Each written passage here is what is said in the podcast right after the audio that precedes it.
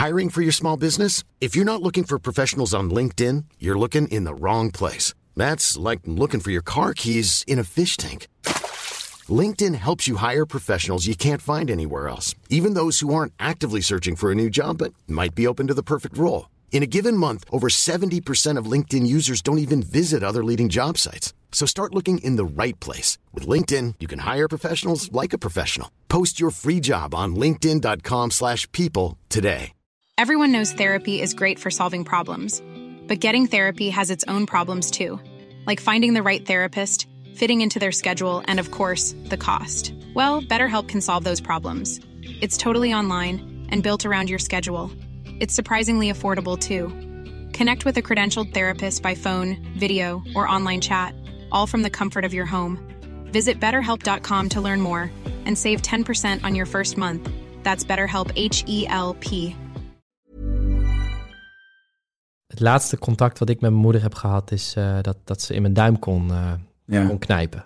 Oh ja, kut. Waarom, waarom ben ik gewoon niet, waarom ben ik niet vaker langs gegaan? Waarom waren we niet vaker bij elkaar? Waarom deden we niet vaker dingen? Op zaterdagochtend mijn oudste voetbal. Noem hem altijd mijn pensioenproject. Dat hij over 15 jaar bij Barcelona voetbal. Hoe ben jij als vader? Nou, ja, afwezig. Ja, maar wat vind jij van de mondkapjesplicht? ja, ik ben voor dat we mondkapjes dragen. En Maar dat je- waarom? Het werkt niet.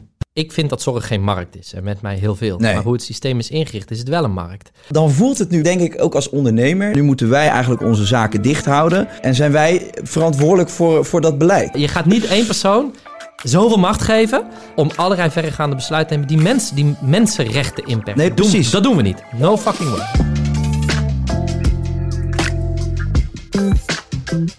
Welkom bij Even Relativeren de podcast. En deze keer met Jesse Klaver van GroenLinks. Welkom. Hallo, goedemiddag.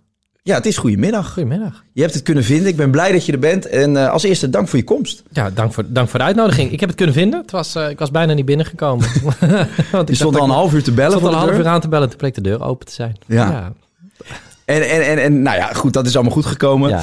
Ehm, we gaan vandaag lekker een beetje ouwe hoeren. En, we gaan het vooral net als bij Rob Jetten eh, eh, niet over politiek hebben. Zo min mogelijk. Ik wil eh, de mensen achter de politicus leren kennen hier. Dus eh, ik ben ook niet zo op de hoogte van alle partijprogramma's, et cetera. Dus dat gaan we lekker skippen. En ik kan me ook wel voorstellen dat dat voor jou misschien ook wel een opluchting is. Ja, nou wat het raar... Als politicus word je vaak... eh, je zegt al Jesse Klaver van GroenLinks. Ja. zeg maar. maar ik ben allereerst gewoon Jesse Klaver. Ja. En, en je wordt altijd vereenzelvigd met, de met, met, met, met ja, politieke standpunten. Maar ik ben gewoon een mens, Ja. allereerst. Ze- ik altijd het mooiste vind, dat ze... Ja, maar nu even je antwoord als mens. Ja, Ja. Hoezo? Alsof ik... Wat was ik net een wasbeer toen ik Ja. antwoord gaf? Wat, eh, Maar ik je denk je dat bent mijn- en blijft mens. Nee, dus dus maar- ik vind dat, eh, als je dat zo, zo, zo zegt... Ja, dat vind, ik, dat vind ik wel fijn. Gewoon wie ik ben. Ja. En daar komt ook politiek doorheen. Want dat is ook wie ik ben. Ja. Ja. Maar ik denk wel dat mensen bang zijn bij mensen uit de politiek. Dat in media optredens ze vaak toch een beetje bezig zijn met politiek bedrijven. En dan misschien niet altijd het achterste van hun tong laten zien. Eh, ja, maar dat, dat moeten we aan het einde van deze podcast concluderen. Ja. Wat we wel gaan doen. Ik heb eh, namelijk eh, mensen vragen laten insturen. Ah, en ehm, die gingen heel veel over corona.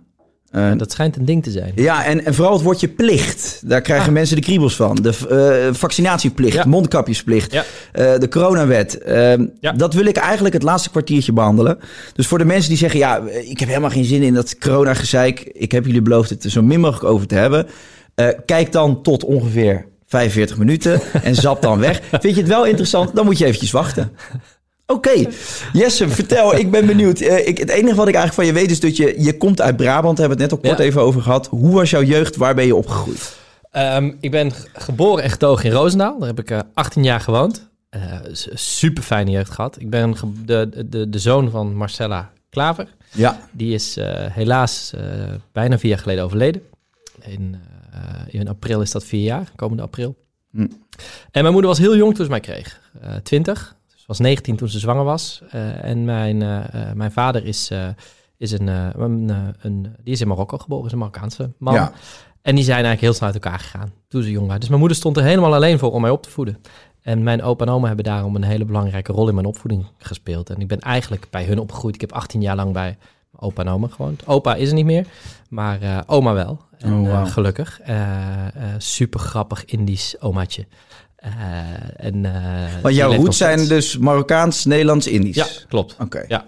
En heb jij ehm, ooit nog contact gehad met je vader? Ja, ik heb sinds na het overlijden van mijn moeder...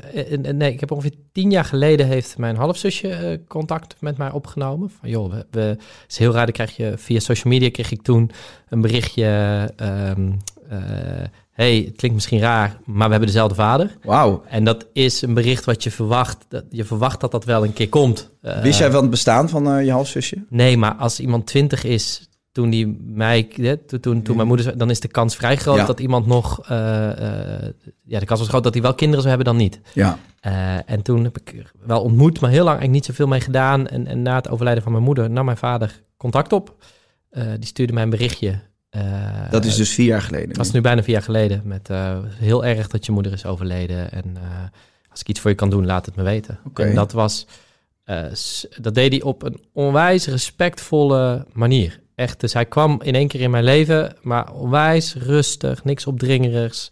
Heel, heel respectvol. Hoe was die ehm, ervan op de hoogte dat jouw moeder overleed? Want was daar nog wel contact dan tussen jouw vader Het was en op je het moeder? journaal geweest. Oh, Het was, we zaten midden in de formatie. oké. Dus, dus eh, we hadden de verkiezingen gehad in 2017 en ik, we waren aan het onderhandelen over een nieuw kabinet. Ja. En eh, ik weet nog heel goed, het was eh 12 april eh, 2017. Ja. En ik zat in een, nou ja, een zaal, zoals gewoon in zo'n vergaderzaal met Mhm.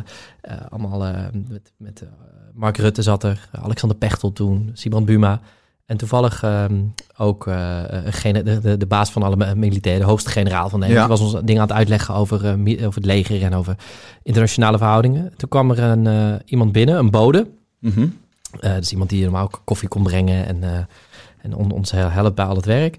En die zei, eh, jouw woordvoerder, Diederik, eh, die staat buiten met een privé kwestie. Die schrok me echt, echt helemaal Ja. de tyfus. Dat ik dacht, shit, er is iets met mijn kinderen. Ja. Ik had eh, een paar jaar eerder eh, kreeg ik zo'nzelfde berichtje. Toen had mijn zoontje thee over zich heen. Mm. Het is allemaal goed gekomen met hem hoor. Maar eh, dat waren echt de tien langste minuten uit mijn leven. je weet van van je- de Tweede Kamer naar het ziekenhuis gaan om te kijken wat er met je kind is. Ja, en je weet dat je nooit zomaar onderbroken wordt. Je wordt nooit zomaar Nee, onderbroken. nee. Als iemand komt met een briefje en die zegt... er staat iemand buiten die moet iets privés met je bespreken, dan weet je... Heftig, ja. Toen kwam ik buiten, hoorde ik, er is iets met je moeder. Nou, het was ik helemaal opgelucht, zeg maar. Dat klinkt heel Mhm. raar, maar ja, je kinderen is, daar wil je gewoon absoluut dat er niet iets mee is. Ja. En toen eh, begreep ik dat ze onwel was geworden. En toen dacht ik, shit, het is niet goed. Toen ben ik als een malle naar Brabant gereden. Mhm. Eh, en toen, eh, kwam ik, ja, toen kwamen we erachter dat ze een hersenbloeding had, had gehad. En dus toen moesten we de formatie onderbreken. Dat is wat je vroeg, hoe wist mijn vader dat? We moesten de formatie onderbreken. En toen werd dat duidelijk dat dat kwam omdat mijn moeder was opgenomen in het ziekenhuis. En daarna was het ook in het nieuws gekomen dat Ja. ze is overleden. En eh, op het moment dat zij in het ziekenhuis terecht kwam, is Ja. dat daar heel snel gegaan? Of heeft ze daar nog een tijdje Twee gelegen? weken. We hebben bijna twee weken in het uh, Twee Steden ziekenhuis in eh, Tilburg lag ze. Van, echt fantastisch geholpen daar door die verpleegkundigen en die artsen. Daar heb ik de, we gaan straks over corona hebben, over hoe Mm. intensive cares werken. Heb Mm. ik daar dus twee weken van heel dichtbij gezien. Heb ik geslapen in het ziekenhuis en eh, bijna, ja, bijna fulltime geweest. Twee weken samen met mijn familie. Was Een zij, hele hechte toen, familie. was zij toen Nee, eh, hersendood op dat moment? Nee, niet hersendood, maar ze was niet meer bij. Dus, dus wat... wat eh, ja, ik, ik voel het nu als ik het zeg. Dus, dus ehm, het laatste contact wat ik met mijn moeder heb gehad... is dat, dat ze in mijn duim kon, Ja. kon knijpen. En dat was het. En dat is het moeilijkste als ik terugdenk aan die periode. Ze heeft twee weken op de intensive care gelegen. Eh, ze, ja, ze hebben alles gedaan om haar leven te redden. Dus de schedel zelfs opengemaakt om de druk, eh, de, de, de druk die er op de schedel stond, eh, te kunnen laten ontsnappen. Ze hebben alles gedaan, maar er was geen redden, er was Nee. geen redden aan. En wat ik het allermoeilijkste vind aan haar dood, eh, is dat ik zo hoop dat ze, niet heeft, dat ze het niet heeft meegemaakt. Dus dat, is, dat, dat zijn twee dingen die strijden. Dat, ik- dat ik hoop dat... We hebben zoveel lieve dingen tegen haar gezegd. We zijn zo hecht als familie daar geweest... dat ik hoop dat ze dat heeft meegekregen. En aan de andere kant hoop ik vanaf het moment dat ze daar lag... dat ze het gewoon niet meer heeft meegekregen. Dat ze niet gevangen was in haar lichaam en zich niet kon uiten. En die gedachte, die, dat, zeg ik nu zo... maar dat, die, verdring ik, die verdring ik heel vaak. Want dat vind ik, dat vind ik echt dat vind ik een verschrikkelijke gedachte. Heb je ooit van een medisch iemand gehoord eh, die daar iets over kon zeggen? Of ze dat meegekregen heeft of weet niemand dat? Nee, ik verdring dat echt. Hm. Omdat ik kan er niks meer aan veranderen. Nee.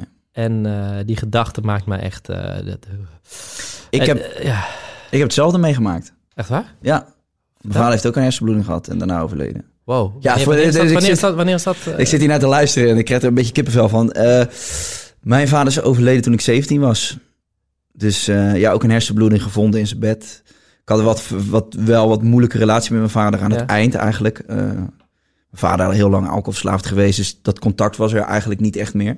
Zeker die laatste maanden niet. Dus hij is gevonden Dus door wie is die gevonden? door... eh, mijn vader had thuiszorg op dat moment, Ja. omdat hij eigenlijk niet echt meer voor zichzelf kon zorgen. En er was van alles aan de hand. En eh, door de thuiszorg is hij gevonden. Toen is mijn oom daar naartoe gegaan. Die heeft gebeld. eh, ja, je vader is gevonden, een hersenbloeding waarschijnlijk. En ehm, toen zijn we ook naar het ziekenhuis gegaan. En wat jij net beschrijft, dat van dat in duim knijpen, dat is letterlijk het enige wat ik ook nog met mijn vader heb kunnen doen. We hebben daarnaast gestaan aan zijn bed met mijn broer en mijn moeder. En wel heel eventjes nog het gevoel gehad van dat hij nog iets meekreeg van onze aanwezigheid. Ja. Dat hij leek te reageren. Een beetje, volgens mij knipperen met zijn ogen. Of dat, dat hij een geluidje maakte alsof hij wat wilde Ja. zeggen. Ehm, ja, en toen eigenlijk eh, naar een rusthuis eh, overgeplaatst. Dus hoe lang heeft hij dan nog geleefd na de... Eh, Het is best wel een rare situatie geweest. En ik heb wat jij zegt, dat, dat verdringen, bij mij is het gewoon troebel ook. Ik, Maar voor mijn gevoel was dat nog een dag of zes in totaal. Oké. Dat hij nog in leven was. Maar ik denk dat als je naar het rusthuis gaat, over het algemeen is dat je laatste Ja, dag. precies. Ja. Dus ik weet niet of dat precies klopt. Maar dat komt omdat het, ja, dat is gewoon een rare situatie geweest waarin ik eigenlijk ook gewoon op de automatische piloot heb geleefd en niet meer zo goed weet Nee. wat er allemaal gebeurde en wat ik allemaal voelde op dat Hey, en moment. als je zegt, jouw vader had thuiszorg en die had een wat vertroebelde relatie. Ja. Eh, wa- waren je ouders gescheiden? Ja, En, je moeder was, was er dus wel met jou en je, Ja. en je broer. Dat, Ja. dat is wel bijzonder. ja, absoluut. Nee, ja, kijk, eh, wij hebben ook eh, die periode van mijn vader eigenlijk altijd gezien als, eh, als, iets heel, als iets heel treurigs. En niet zozeer als dat we boos op mijn vader waren of wat dan ook. We zagen gewoon dat mijn vader eigenlijk zijn leven niet meer onder controle had. En daar was eigenlijk vrij weinig aan te doen. We hebben alles geprobeerd. Alles. Ja. En op een gegeven moment voel je je machteloos. En dan kijk je naar je vader en dan voel je eigenlijk alleen maar medelijden. Maar je bent een jongen van 17, jouw leven begint nog.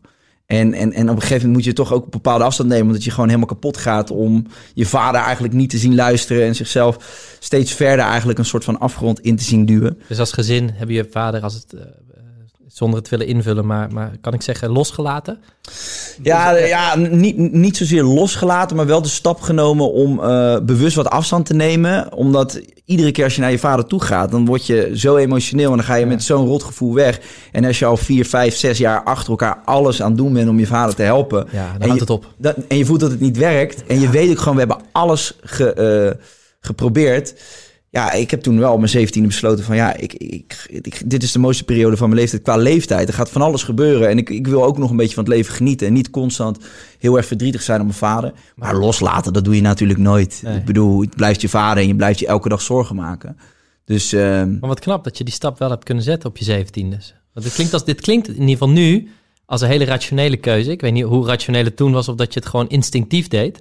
Maar dat is best een, een stap, hè? Want, want Ja. loslaten was misschien wat te groot gezegd, maar eh, eh, waarin je nooit je vader iets hebt kwa of je- niet kwalijk nemen, Mhm. hem niet loslaten, maar wel afstand nemen, je eigen pad kiezen en snappen dat hij ook zijn eigen pad bewandelt. Ja, ja.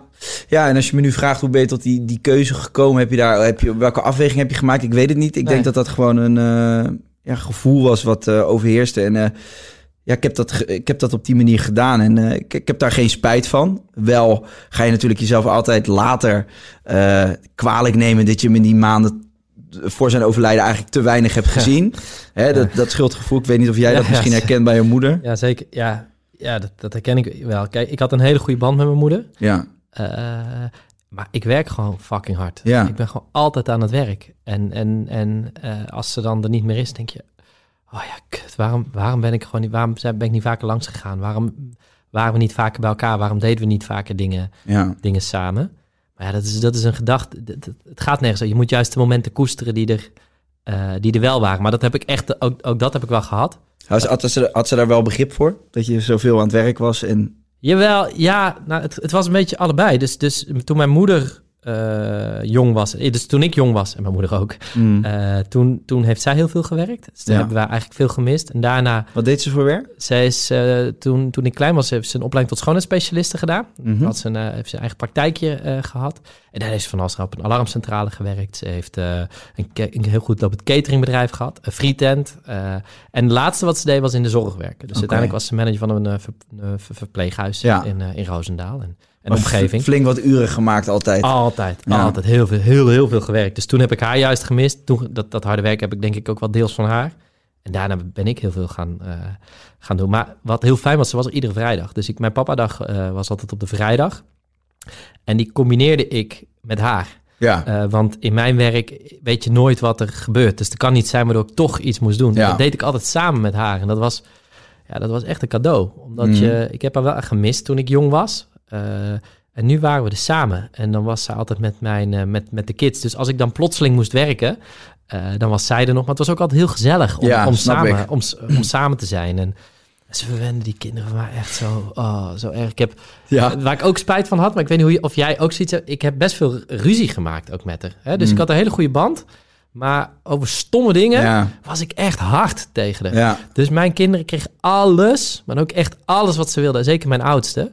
Eh, dan wilde hij weer, dan kreeg hij weer een, een kruiwagen. Van haar. Van haar. Dan had er was er weer een kruiwagen. Ik zei, mama, hij heeft er al twee. Ja, maar deze vond hij nog mooier. Ja, vond hij nog mooier. Ze Maar hij moest wel in de tuin werken dan waarschijnlijk. ja, Hier, een eh, kruiwagen, ja, dan ga je wel aan de slag. Nee, dan ging zij met dat kruiwagentje lopen. Want dan had, daar was hij zelf nog veel te klein voor. Weet je, al dat soort dingen. Ja. En, en, en ik, ik kreeg nooit snoep, maar hij, nou, alles kreeg hij. Nu heb ik mijn jongste zoon, die, die heeft zij nooit gekend. Dus die is geboren na haar, na haar overlijden. Vind ik zo erg dat Mm. hij niet op dezelfde manier ja, verwend wordt. Waar ik me echt aan kapot ergerde bij. Waar bij oma's ook voor bedoeld zijn, Waar oma's ook voor Ja. bedoeld zijn, maar waar ik echt tegen zei... Ah man, dit kan niet, het doe normaal. En, eh, Ja. daar, daar heb ik spijt van Mhm. omdat ik dat eh, ontzettend mis. Omdat ik nu pas snap dat het niet ging om die kruiwagen of om eh het snoep. Of dat ze alles mochten kiezen wat ze lekker vinden. En dat ze dan iets had gekookt wat ze niet lekker vond. Dat ze dan iets Ja. anders ging maken. Het ging om de aandacht. Ja. Het ging hem niet om die stomme spullen. Nee. Maar toch mis je het. Dat Maar iets wat je in de wetenschap van nu Ja. weet, ja, daar kun je jezelf eigenlijk niet Mm. te veel kwalijk over nemen.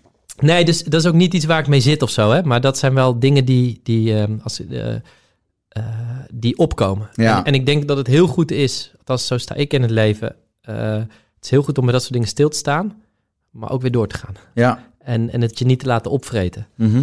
En, en ja, zo, zo, pak ik dat, zo pak ik dat aan. Heb je nog wel eens het gevoel dat je moeder bij is? Altijd. Ja. Hoe voel je dat?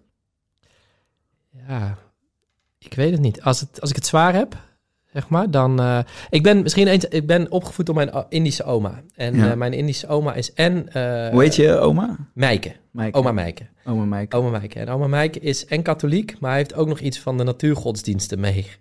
gekregen. Ja, en daarin zijn mensen die overleden mensen altijd heel belangrijk. absoluut. En die blijven altijd bij je. Dat is hoe ik ben, dat is hoe ik ben, ben Mhm. opgevoed. En eh, ik heb van oma ook nog allemaal fotootjes van haar broers die zijn overleden ooit gekregen. Van, die moet je bijhouden, dat, bescher- Ja. dat beschermt je.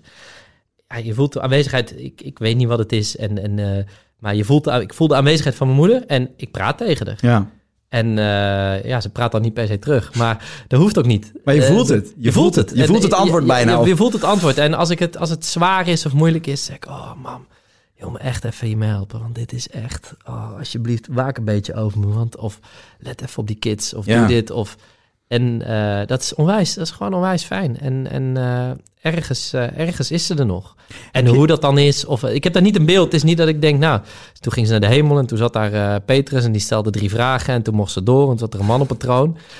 D- dat is ging de poort open. Toen ging de poort open. Dat is het allemaal niet. Maar, maar het is wel... ik, ja, voor mij is ze er nog. En ze is ergens. En wat dat dan is, dat, dat weet ik niet. Maar, ook als er... eh, ja, soms als ik heel verdrietig ben... als, als iemand is overleden of zo... dan, dan zeg ik wel eens... eh, nou, wees goed. Er, komt iemand eh, nu jullie kant, jouw kant op... of jullie kant op, als ik ook aan mijn opa denk. En dan zeg ik... Zorg... Wees een beetje lief voor ze, dat kunnen ze wel gebruiken. Ja, maar dat is, dat is een hele mooie manier om het te benaderen. Ik doe het ook. Ik zeg, mijn oma is dan al veel eerder overleden. Mijn andere oma inmiddels ook. Mijn opa inmiddels ook trouwens. Ehm, en ik zie dan altijd dat beeld voor me dat ze boven lekker een potje zitten te kaarten of zo, weet je wel. En dat vind ik fijn. En ik, ik heb ook gewoon, gewoon het idee... Niemand weet precies wat er gebeurt na die dood. Maar ik geloof niet dat het op zwart gaat en alles dan stopt. Ik, ik, ik vraag me niet wat er dan wel gebeurt, maar ik vind het in ieder geval een prettige gedachte dat je ziel of zo nog wel blijft zweven in het universum. En ik, ik, heb, ik heb hetzelfde met mijn vader. Ik voel ook sterk dat hij er is. En eh, ook niet eh, doordat hij zegt, hey Katje! maar gewoon wel, ik, ik voel zijn aanwezigheid. En ik, eh, ik, ik vind daar ook echt nog wel steun in af en toe. Ja, wat, wat zijn de momenten dat je, Ja, dat gewoon, je het- het hem vindt of zoekt? Het, het lijkt... Ja, dus stel je voor dat je over dingen twijfelt. grote beslissingen die je moet nemen in het leven. Of over, doe ik je wel goed aan of zo. Dan heb ik eigenlijk altijd wel het gevoel alsof hij meekijkt en meeanalyseert. En altijd gewoon op het moment... Ik doe alles op mijn onderbuik. Ik, ben eigenlijk, ik gebruik veel minder mijn verstand. Ik probeer zoveel mogelijk op gevoel te doen. Vind ik een prettige eh, raadgever. Ehm, ik vind dat wij als maatschappij sowieso veel te veel vanuit ons hoofd doen. En allemaal afwegingen maken. Ja. En dan uiteindelijk niet meer komen waar we eigenlijk naartoe wilden gaan. Terwijl als je je onderbuikgevoel vertrouwt op de een of andere manier kom je dan sneller op de plek waar je wil zijn. En ik heb dan een beetje het gevoel alsof hij dat ook een beetje coördineert. Alsof hij daar, um, um, alsof hij mij de bevestiging geeft van Kai, je doet er goed aan. Weet je wel? Ja. Een soort vertrouwen. Ik- Weet je, het, ik wil straks wel op die ratio versus de onderbuik. Dat Ja. vind ik heel interessant. Eh, je moeder, leeft die nog? Ja, ja, Hoe is je relatie met je moeder? goed. Ja? Ja. ja, die is altijd goed geweest. Ja, ja en ik, ik moet wel lachen. Mijn moeder die, ehm, die ehm, ja, is nu eigenlijk voor het eerst alleen. En ehm, dat vindt zij heerlijk. Eh, ze heeft hiervoor ook nog een andere relatie gehad na mijn vader. Dus helemaal prima. Ik, ik zie, ik zie die man nog steeds als mijn stiefvader. En Ja. geweldige banden. Die zijn ook eh, gewoon goed uit elkaar Ja. gegaan. Maar ze is nu voor het eerst alleen. Mijn moeder is 63 en die heeft nu ineens zo... Wauw, ik heb mijn eigen flatje. Geen man, geen kinderen in huis. Ik ga Ja, gewoon lekker op pad. En vorig jaar waren wij in de Bali op vakantie geweest. Zei ik tegen mijn moeder, we waren daar een maand. Mijn vriendin en ik. Ik zeg, kom alsjeblieft lekker langs. Weet je, slaap bij ons. En die kwam dus in de eentje. Dat vond ze vroeger spannend om dat dan in de eentje te doen. Pakte ze die lange vlucht. En eh, nu, nu, nu ontstaat er bij haar een soort nieuw leven. Waarin ze zegt, nog een jaartje en dan ben ik met pensioen. En dan ga ik alleen maar leuke dingen doen. Dus, die, die- dus het gaat heel goed met mijn moeder. Ik ben heel blij om dat te zien.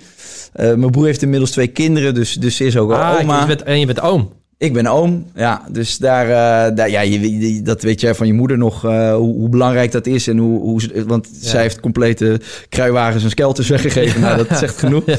Nee, maar dat is gewoon belangrijk natuurlijk voor, eh, voor je moeder. En, Ik weet, ik weet nog heel goed, dat zie ik, ik heb fantastische schoonouders. En dat die, die, die, daar ben ik heel blij mee, want dat zijn fantastische opa en oma voor mijn, voor Ja. mijn kinderen. En, en eh, eh, niet dat je iets kan vervangen of zo, maar die, die, die, die zijn, dat zijn zo- zo'n fijne opa en oma, die tellen voor vier, zou Ja. ik maar zeggen.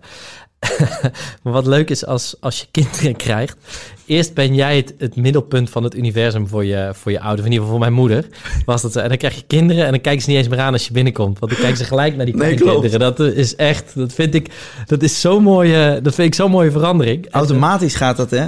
Ik ze had, ik, gelijk naar die kleintjes. En dat is ook echt dat is heel relaxed. Want in één keer gaat het niet meer over jou. Zij is helemaal niet meer zo druk bezig met jou, maar alleen met die kinderen. Top. hoe, hoe, hoe vond jouw moeder het? eh, want zij heeft nog wel meegemaakt eh, dat jij een politieke carrière bent Ja. begonnen. En hoe, hoe vond ze dat? Want ik, ik denk altijd, dat zei ik ook tegen Rob, van eh, waarom wil je in vredesnaam in de politiek? Het lijkt mij echt verschrikkelijk.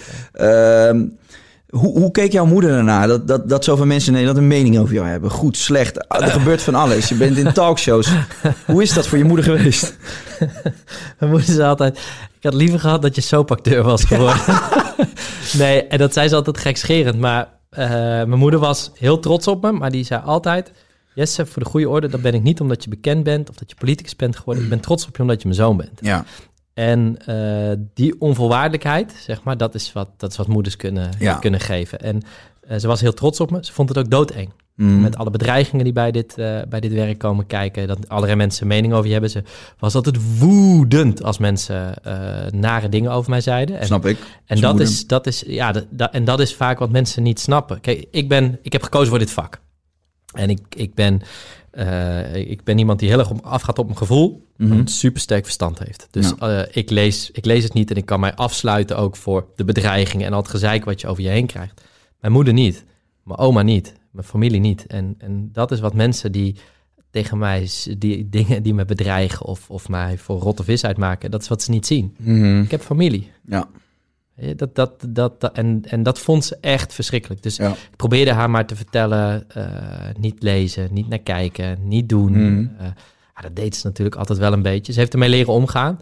En ze vond de bedreigingen heel, vindt ze heel eng. snap ik. Vond ze heel, heel eng. Ja. Ja, ja nee, maar ik, ik, ik zie dat bijvoorbeeld bij mijn eigen moeder. Die, die, die zouden maar wijzen van als ik een aflevering van Expeditie Robinson heb gepresenteerd, zou ze kunnen kijken hoe de reacties zijn op mijn presentatiekunsten. en dan zegt iemand, joh, die kijk kan er geen Kan reet van. En zit mijn moeder toch wat? Hoe bedoel je? Ja, ja. Dan zeg ik, maar dat moet je niet lezen, man. Nee, ja. Dat uh, schij uit, joh. Dat is een kwelling voor jezelf. Maar in de politiek maak je beslissingen die ook eh, gevolgen kunnen hebben Ja. voor, eh, voor een bepaald be- gedeelte van de bevolking. Ja. En, en, en die vinden daar wat van. Die zijn emotioneel. En die denken dan niet na over het feit dat jij nog een moeder hebt. En eh, die zijn gewoon woedend. En dus, dus, dus je zit op een kwetsbare positie. Je moet belangrijke beslissingen nemen die echt niet door iedereen gewaardeerd worden. Dus ik kan me voorstellen als moeder dat het heftig is als je kind werkzaam is in de politiek. Ja, die vond dat, die vond dat echt wel heel heftig. Ja. En, en ook de hoeveel, hoeveel ik moest werken. Daar maakte ze zich altijd zorgen over. Ja. Was je wel goed? Ja. Heb jij een weekend? Eh, ja, eh, ja, maar ik moet ook heel vaak werken. Ja. Dus ik heb wel... Hoe ziet jouw ideale weekend eruit? Even los van... Als je, ideale weekend? Ja, als je, als je denkt van nou, we hebben nu een goede week, we hoeven niet zoveel te doen.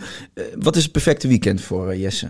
Dan, word ik, dan, heb ik, dan staat er niks gepland, maar word ik Ja. ook niet lastiggevallen. Dus, dus eh, je hebt het zo, soms moet ik gewoon dingen doen in het weekend. En Jolijn, eh, de- Jolijn is mijn, mijn vrouw, ik ben haar man, we zijn samen. Ja.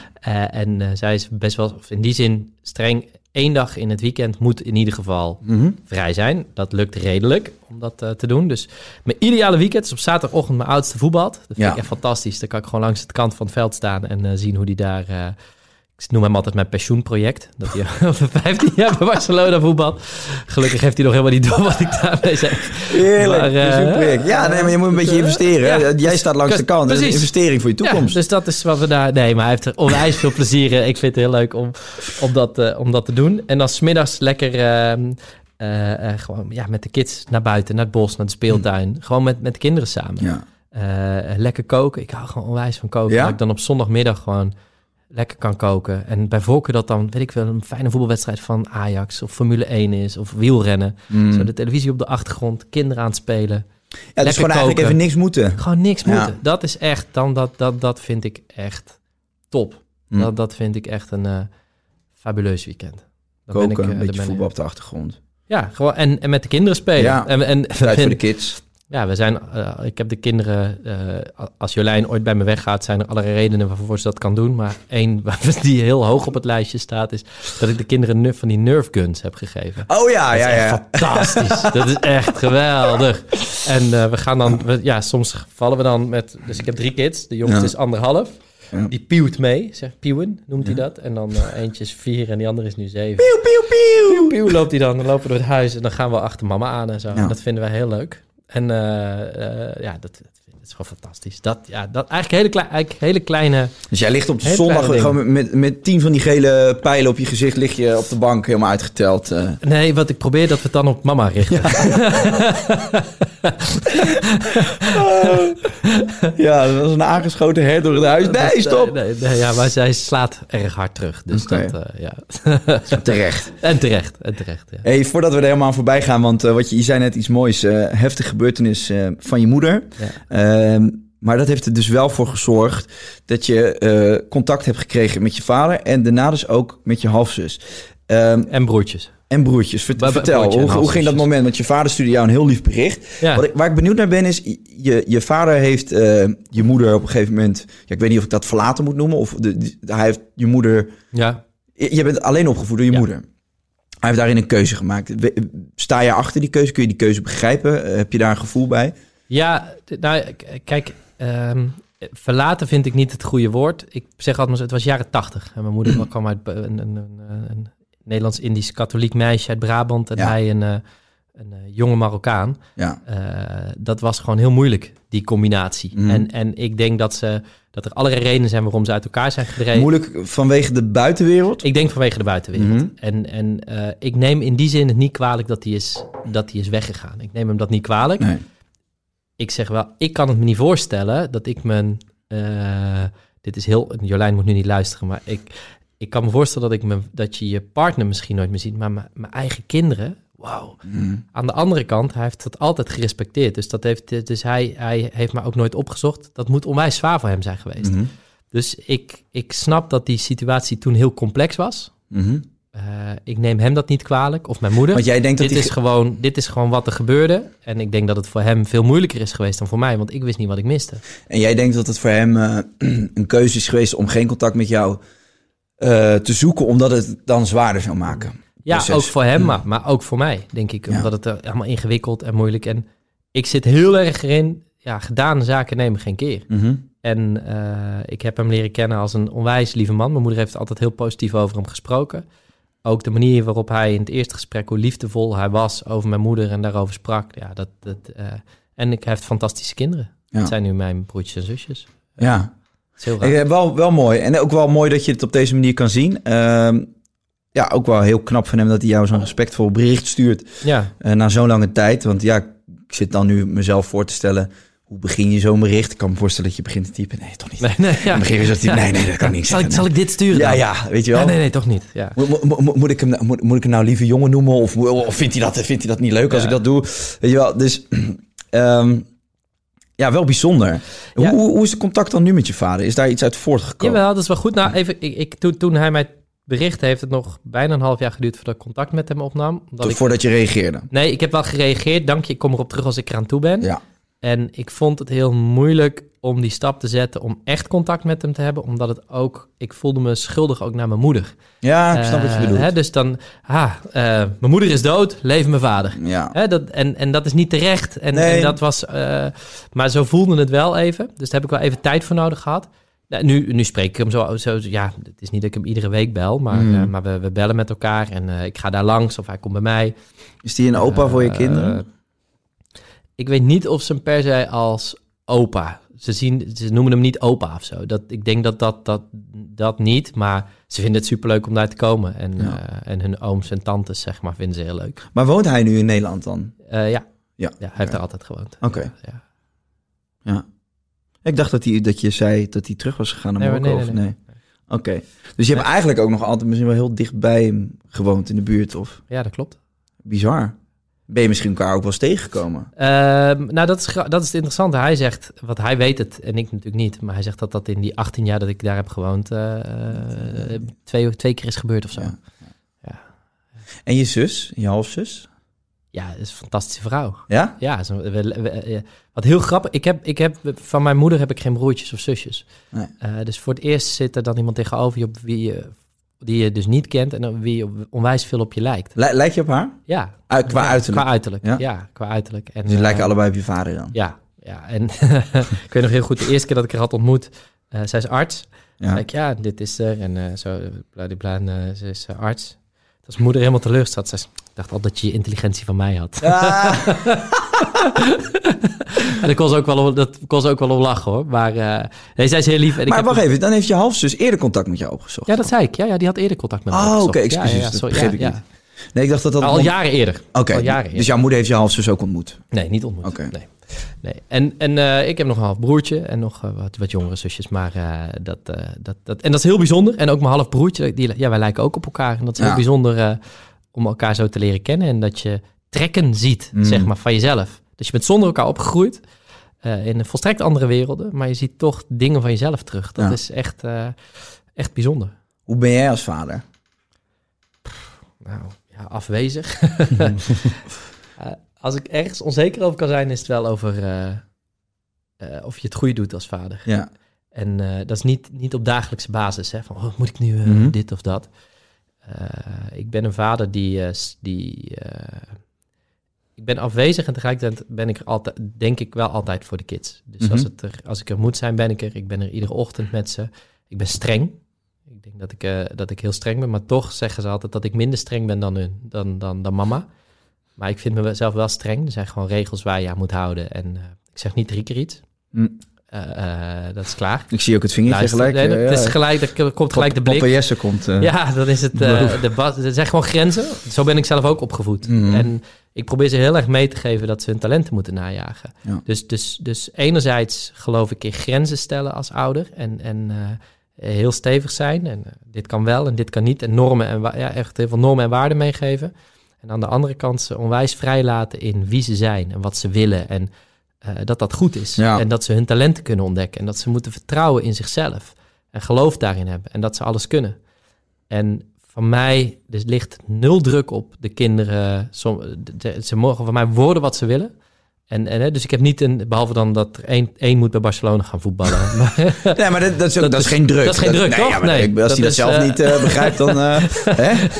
nee, maar dus ik, voor mij is er niet een, een ideaalbeeld waar ze moeten komen als ze maar gelukkig zijn. Ja. Maar er is één ding wat ik ze echt wil bijbrengen. En dat is dat je je best moet doen. Ik wil heel graag dat ze leren dat je met je best doen eh, en proberen en oefenen. Niet dat je daarmee altijd er komt, maar dat je dingen kan leren. Ja. En dat ook in falen, eh, dat je daarvan kan leren. Dus ik leer ze altijd, zeg altijd oefening baart. En dan zeggen ze dat kunst.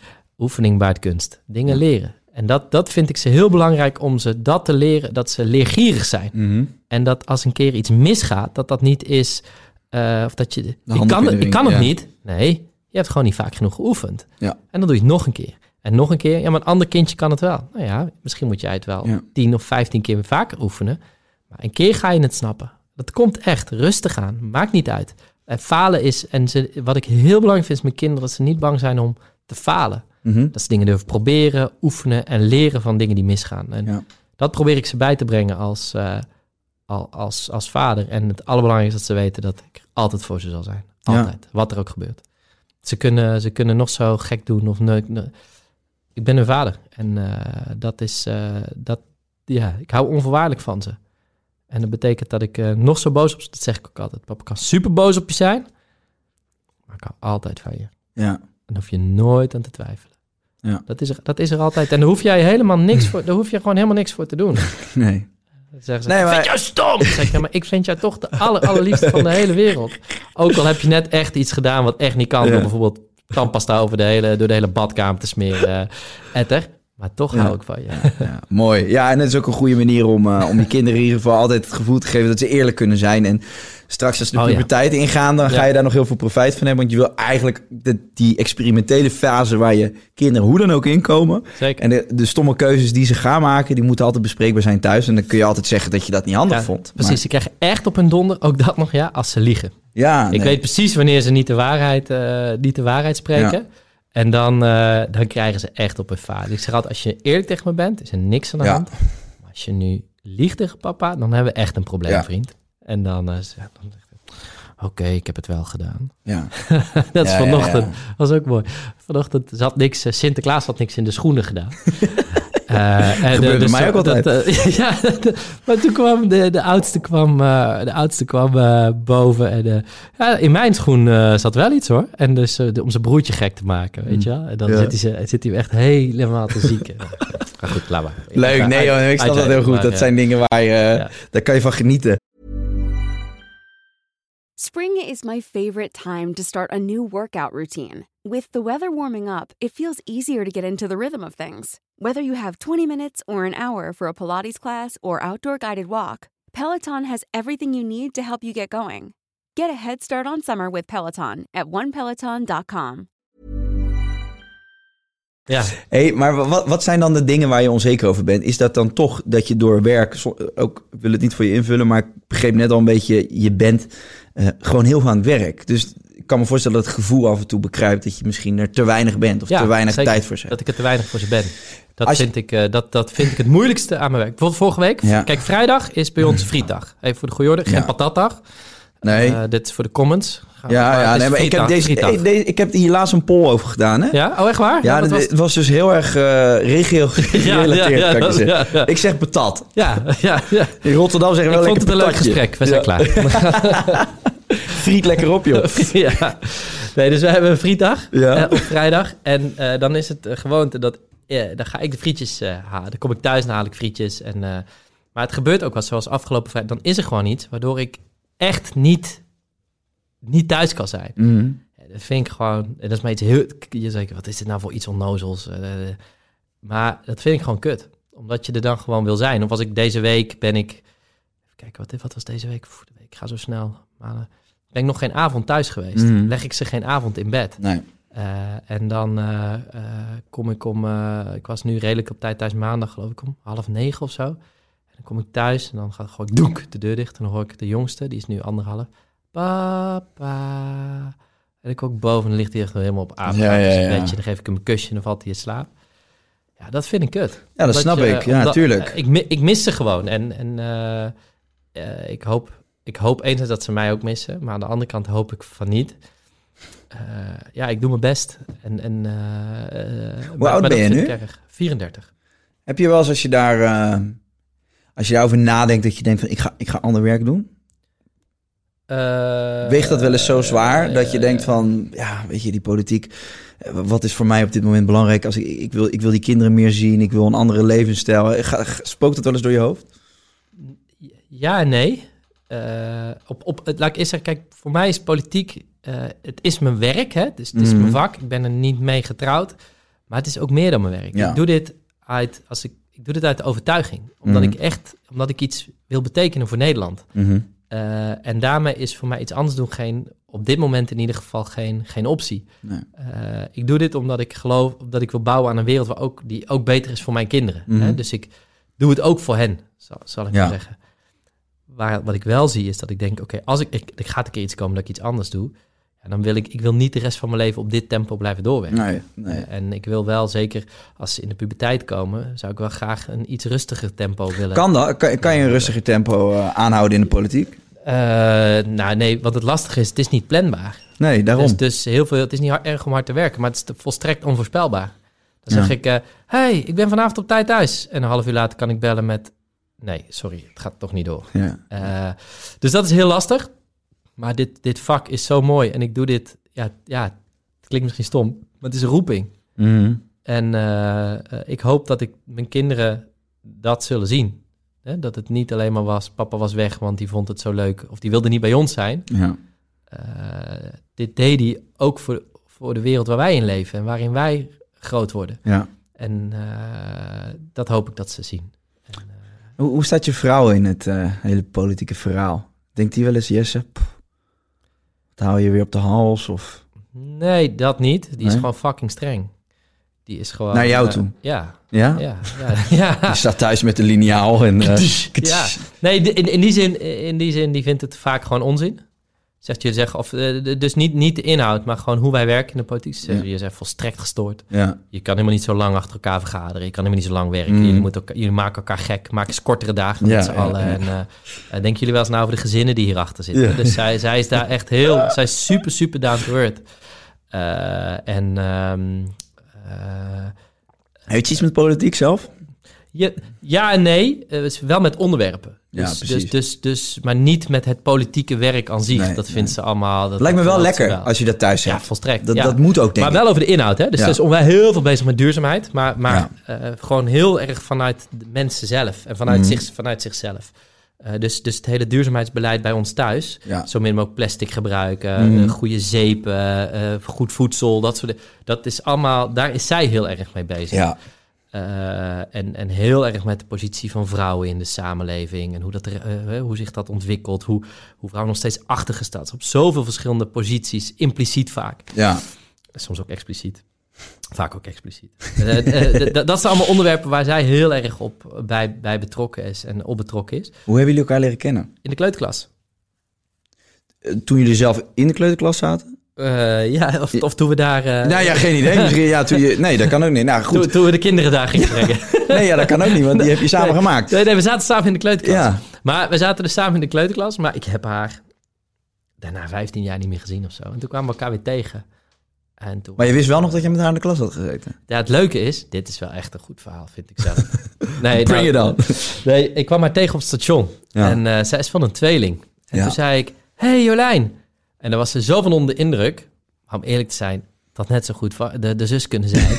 Eh, maar ze was, Was zo onder de. Het was, nou, het was, nee, ik dacht echt dat het Jolijn was. Maar zij was daar zo van onder de indruk. Ja. Dat ze dacht, wow, oké, nou. Toen ga, het is het bijna misgegaan. Toen gaf ik mijn... Ik was toen, dus dat tien, eh, ruim tien jaar geleden. Dus ik was 24. toen zei ik, oh leuk, we elkaar afspreken. Toen gaf ik mijn visitekaartje. Nou, toen dacht ze echt, wat een loser. Ja. Welke lul geeft nou aan een meisje zijn visitekaartje? En wat stond er op dat visitekaartje toen? Voorzitter van de jongerenorganisatie van GroenLinks, van Dwars. En zei echt zo, oh wat een loser. Echt, hier wil ik echt niks mee te maken hebben. En toen heeft ze me toch een bericht gestuurd. Ja, Nou, zo hebben we elkaar weer leren kennen. En eh, zo zijn we bij elkaar gekomen. top. Tien jaar geleden dus. Ja, 2010. Ja, Ja, net voordat ik in de Tweede Kamer kwam. Grappig dat je dan een kaartje geeft. Voorzitter van, wat was het? De voorzitter van de Van jeugd. dwars van de jonge organisatie. Als ik dat nu, ik kan nu het schaamrood op mijn kaken krijgen, maar het was gewoon, dat had ik gewoon in mijn jaszak zitten zo. Zou dat iets zijn wat je nu, stel je voor dat je nu nog, eh, je bent nu 24 en je, je, je, je leeft in deze tijd, zou je dat op Tinder dan, zou dat het eerste zijn wat je naar iemand zou sturen als je een match hebt? Eh, nee, ik denk het niet. Nee, toch nee, niet? Nee, ik denk het niet. Nee, Oké. Nee, ik denk, ook, ik denk ook dat ik nu eerder eh, er zou gaan volgen op Insta. Ja, ja, precies. Dan, eh, dat was gewoon nog de hives-tijd. En Zeg dan in de DM hives. slijden. Dan zou ik gewoon, ja, precies. Yo. Yo. Ja, Hey. Hey, Hey, en ehm, wat, wat, wat je, die, je hebt daar uiteindelijk tijdens zo'n eerste date wel kunnen overtuigen. Wat ben je gaan doen met haar? Eh, wij, nou, de, de, e- de eerste echte date die we... We hebben elkaar toen- nog een paar keer gezien, zeg maar. Ja. Eh, we zijn nog een keer naar het strand geweest. En, maar de eerste echte date is dat... Zij was toen helemaal fan van eh, Hey Soul Sister. Dat, dat Ja. nummer, dat luisterde Ja. ze echt duizend keer. En dat deelde ze toen. Volgens mij was het echt nog hives en zo. Ja. En toen hoorde ik dat, dat een, een van mijn beste vrienden zei... Hey, je train komt naar Nederland. Dus had ik heel snel kaartjes gekocht voor de Melkweg. En daar heb ik haar toen mee, toen Oh, mee naartoe toegenomen. Ja. En toen heb ik me de hele avond misdragen door... eh, Ja? allemaal het, eh, Hoe, hoe ziet dat eruit dan? Is- gewoon allemaal me- eh, vals meezingen. Oh. En, ik- en, en, nou, de voeten werpen van, van, die, van de, um, dat was toen de drummer van die band. Nou, gewoon, Ja. En toen is ze gebleven.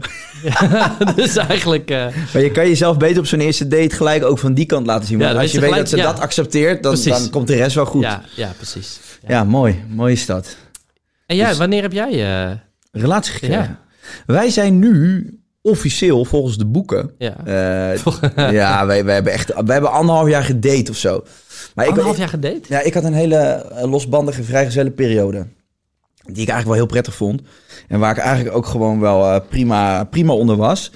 Eh, en toen kwam ik eh, Jessie tegen en ik vond haar wel direct al heel erg leuk. Maar ik, ja, het standaard verhaal van ik wil me nog niet binden. En ik, ik had net mijn huis gekocht. eh, qua werk ging het goed. Ik had een heel leuk sociaal leven daarnaast. Dus ik miste ook niet echt een partner. Ik ging voor mijn werk veel naar het buitenland. Ik, ik, ik ging naar, naar leuke feestjes toe. En een aantal vrienden van mij waren ook vrijgesteld. Dus het was gewoon een heerlijke, losbandige periode. Die, Hoe- Hoe oud ben je eigenlijk? ik ben nu 30. Oh, ja. Ja. Dus die periode vond ik prettig. En toen kwam Jessie in mijn leven. En toen dacht ik, shit, ja, ik vind haar eigenlijk veel te leuk. Maar ik durf eigenlijk nog niet echt afscheid te nemen van dat leven. Nee. En ook wel, ik, ik ben, ik, ik ben niet, niet zo'n fan van het eh, maatschappelijke plaatje van eh, bij elkaar komen, kindjes krijgen, samenwonen, koophuisje. Ik, ik word daar heel allergisch van. Ik heb altijd al een beetje een soort van... Ik ben heel impulsief, dus ik wil niet dat er veel vast ligt. Dus maar jij goed, vindt mijn leven echt kut? nou, helemaal niet. nee, maar ik, ik, ben, ik ben denk ik niet eh, gemaakt voor, eh, voor, het standaard, voor het standaard leventje of zo. Ja. En niet dat jij een standaard leventje hebt, verre van. Maar meer van die stappen die je dan eh, onderneemt. Ik, ik, ik ben blij dat ik nog die periode heb gehad na mijn 25e... waarin ik gewoon echt nog wel een tijd gewoon vrijgezel Ja. ben geweest... en dat eigenlijk niet had. Had ik denk ik ook echt nodig. Eh, maar goed, anderhalf jaar gedate. En op een gegeven moment kwam er wel een punt dat zij zei van... nee, eh, chef, eh, dit is even goed. En toen dacht ik wel, als ik deze nu laat lopen, dan ben ik echt de kneus. Omdat ik af en toe nog achter een andere dame aan zou willen hobbelen. Ja goed, daar zit het geluk ook niet in. En dat feest houdt ook een keer op. En eh, we zijn nu drie jaar bij elkaar. Of nou, dan twee jaar denk ik, officieel. Volgens- ja, wat zeggen de boeken? Want je Ja. begon met, volgens Ja, de hebben boeken dus- zijn wij... wij hebben in Kaapstad heb ik haar echt officieel dan verkering gevraagd. Echt waar? Ja, dat, dat, vond, dat vind ik wel schattig. ja, maar dat moest. En? Ik ben nog sterker nog, ik ben gaan paardrijden met het, terwijl ik een hekel heb aan paarden. Eh, zij was helemaal gek op paarden en ik, ik heb nog blauwe ballen ervan. Dat is niet, ik had nog nooit op een paard gezeten. En op een gegeven moment, we hadden een heel grappig Zuid, een Zuid-Afrikaanse vrouw. Die had ik via een, een, een, vriend van mij die in eh, Zuid-Afrika had gewoond. Die zei, joh, ik ken een vrouw die heeft zelf allemaal paarden. En dat is een beetje een gek mens. Maar dat is fantastisch. eh, ga lekker bij haar paard rijden. En ik dacht, dat vind ik leuker dan in zo'n groep paardrijden. Want dan misschien ook weer allemaal andere Nederlanders. En ik had daar niet zo zin in.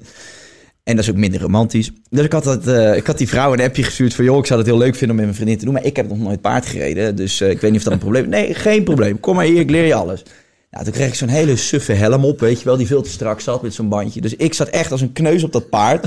En Jessie die kan heel goed paardrijden, dus die ging daar echt op zitten. En dat ging allemaal elegant en die begon te lopen. En het, het zag er allemaal perfect uit. En ik zat zo helemaal spastisch op dat beest. Maar wa- was dat in de natuur of was het in zo'n bak waar je Ken- eerst nee, moest ken je, ken je, ben je bekend in Zuid-Afrika? Nee, nee. Je hebt daar eh, eh, Noordkaap. Ja. Eh, nee, Noordhoek, excuses. Ja, Noordhoek heet dat. En dat is een prachtig groot, breed, wit strand. Dat, dat is echt het mooiste strand dat ik ooit heb gezien. En dan ga je dus met die paarden op het strand, door het water. Echt, ja, fantastisch wel. En, en was het een wit paard? Ja, ik had een wit paard, ja. Echt ja, waar? ja, ja, zeker. Dus het was, nee, het was top romantisch. Alleen op een gegeven moment, eh, dus die vrouw die ons hielp, van wie die paarden waren, en Jessie, die ging echt 20 kilometer voorop. En ik liep daarachter met dat paard. En ze had gezegd, ja, als je, hem- als je hem wat sneller wil laten lopen, moet je een heel klein tikje met je hak geven.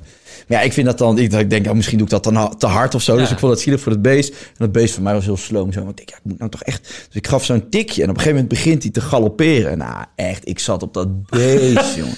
Ik had pijn aan mijn edele delen en ik denk, shit. Dus dat zag er natuurlijk niet uit. En ik wilde een beetje indruk maken. Maar goed, uiteindelijk is alles goed gekomen. En eh, hebben, we- ja, hebben, hebben het hartstikke leuk. Is dat wat ik vind dit wel gra- ik vind het wel mooi wat je vertelt dat je want als je, je hebt de scheidhekel aan paarden. Mhm. Je hebt er echt je je, Ja. cogo- je cojones voor in de waagschaal Ja. eh, gesteld. Ja. Dat betekent wel dat je echt iets over hebt. Voor. Daarbij laat je wel zien dat je echt iets voor haar doet. Eh, zit je zo in elkaar? Ben je iemand die, dat, die, dat, eh, die, die dus veel voor anderen over heeft? En zeker voor je liefje? Ja, ik vind, ik vind sowieso cadeautjes geven het leukste wat er is. Ik, dat, ik, ik, Voor de record, ik heb nog niks gehad. ik. Dat, dat Deze even- podcast dus een cadeau Oh, ja, voor, eh, voor de verkiezingen straks. Maar nee, ik ben, eh, ik, nee, ik vind dat echt heel leuk. Ik ben wel, ik, ik- ik zou ook vooral eh, veel geld willen verdienen om te kunnen delen. Dat ik ben altijd wel bezig met, oh, stel je voor dat we dit kunnen doen en dan dat, dat je vrienden daarvan kunnen mee profiteren of zo. Dus en ik heb in mijn werk kan ik best wel vaak leuke dingen doen waarmee ik mensen om me heen ook een plezier kan doen. En dat vind ik eigenlijk een van de leukere dingen aan mijn werk. Dus nee, en ik geef wel veel cadeautjes, ja. En eh, Waar heb je dat van? Heb je dat van huis uit meegekregen? Is dat van- nou ja, ik, kreeg, ik, ben, ik ben niks tekort gekomen hoor. Maar ik kreeg ook niet. eh, ik kreeg ook niet zo. Mijn moeder was wel, als wij bijvoorbeeld naar. eh, stel je voor, we gingen naar een winkelcentrum. Ja. En we liepen langs de Bart Smit. En dan zei ik: Kijk, dat wil ik hebben. Dus zei ze: Ja, maar dat is even geen reden voor. Dat, we, we willen allemaal wel eens wat. Die gaf mij niet op een, op een blauwe maandag ineens een Lego-doos van 4 bij 4 of zo. Nee. moest wel een moment voor zijn. Dus ik, ben, ik heb ook altijd wel geleerd zelf te sparen. En ergens wat voor te doen. Ik weet niet, ik vind het gewoon leuk. Ik hou gewoon van, eh, van, van blije mensen, denk ik. En eh, ja, zo, gewoon mensen verrassen. Dat, is, ehm, en ik vind ook, ik, vind, ik ben persoonlijk fan van eh, attente mensen. En ik let altijd op of, of iemand attent is. Ik vind het dus heel belangrijk als... ik kijk ook wel eh, vaak naar mensen als je wat vertelt. Misschien kom je, daar, Ja. eh, kom je die mensen ook vaak tegen. Die Ja. stellen jou een vraag. Ja, Maar terwijl je die vraag beantwoordt, zijn ze alweer weg. En luisteren ze eigenlijk helemaal niet naar het antwoord. ja, zijn ze uitgetuned? Zitten ze al... eh, Ja. Maar waarom stel je dan die vraag, denk ik? En dat, dat valt mij dus altijd heel erg op als iemand oprecht geïnteresseerd is. Dan denk ik altijd zo fijn, fijne energie. Plus dat, ja, en, en daar vind ik dit ook een beetje bij horen. Gewoon mensen af en toe eens verrassen of een cadeau geven. De dat ander zien. Dat is het Ja, de ander zien. Of het nou een cadeau is, of oprecht luisteren, of Ja. eh, Ja, eh, met iemand bezig zijn, je verplaatsen in een ander. ja, Iets doen. Ik vind zelf daar altijd wel van eh, ehm, iets doen wat jij niet leuk vindt, of hè, wat, wat niet, wat, Ja. maar wat voor een ander belangrijk is. Dat vind ik altijd een groot, eh, eh, een groot cadeau. ja, want dan is het plezier. En dit, klinkt- misschien klinkt dit heel uh, smoetselig allemaal. Maar het, plezier van een ander is dan toch, dat, dat versterkt dan Ja, toch, ja, dat ik op dat paard zit, joh. Zij vond het fantastisch. En Oh, uiteindelijk... zijn er beelden van? Er zijn beelden van, ja. Ja, maar ik heb die dus zo opgeknipt... dat het precies het moment dat mijn paard eindelijk rustig loopt... Dat ik door het water loop... dat ik zo nog even die camera inkijk... en dat heb ik... eh, nee, In ik, ontbloot bovenlijf, alsof je Poetin bent. ik weet nog dat ik toen volgens mij ook zo'n heel raar polootje aan had of zo. En eh, dat, dat, ik leek wel zo- zo'n polospeler die het dan net niet gemaakt had. Eh Jesse, we zitten op 50 minuten... dus ik denk dat het tijd is voor de kijkersvragen. Tadadadada. Een roffeltje. Zit er Een roffeltje. Wat heb ik eigenlijk hier? Oh. Dat is nooit de eerste keer dat ik dit doe, volgens mij. Wat is dit? hey, de kijkersvragen. Eh, dank u, dank u, dank u. Nee, ik heb natuurlijk gevraagd of mijn volgers vragen wilden inst- Ja. insturen. Er gingen enorm veel over het eh, coronabeleid. En eh, ik denk dat we daar ook een beetje bij moeten blijven. Anders gaan we alle kanten op. Ook iets waar ik me eh, behoorlijk aan stoor, regelmatig. Ja? Aan maatregelen. En ja... En, en, en vooral ook in talkshows het enorme eenrichtingsverkeer. Mhm. Ik vind dat er weinig echt ruimte is voor kritisch geluid over de maatregelen. En ehm, het woordje plicht.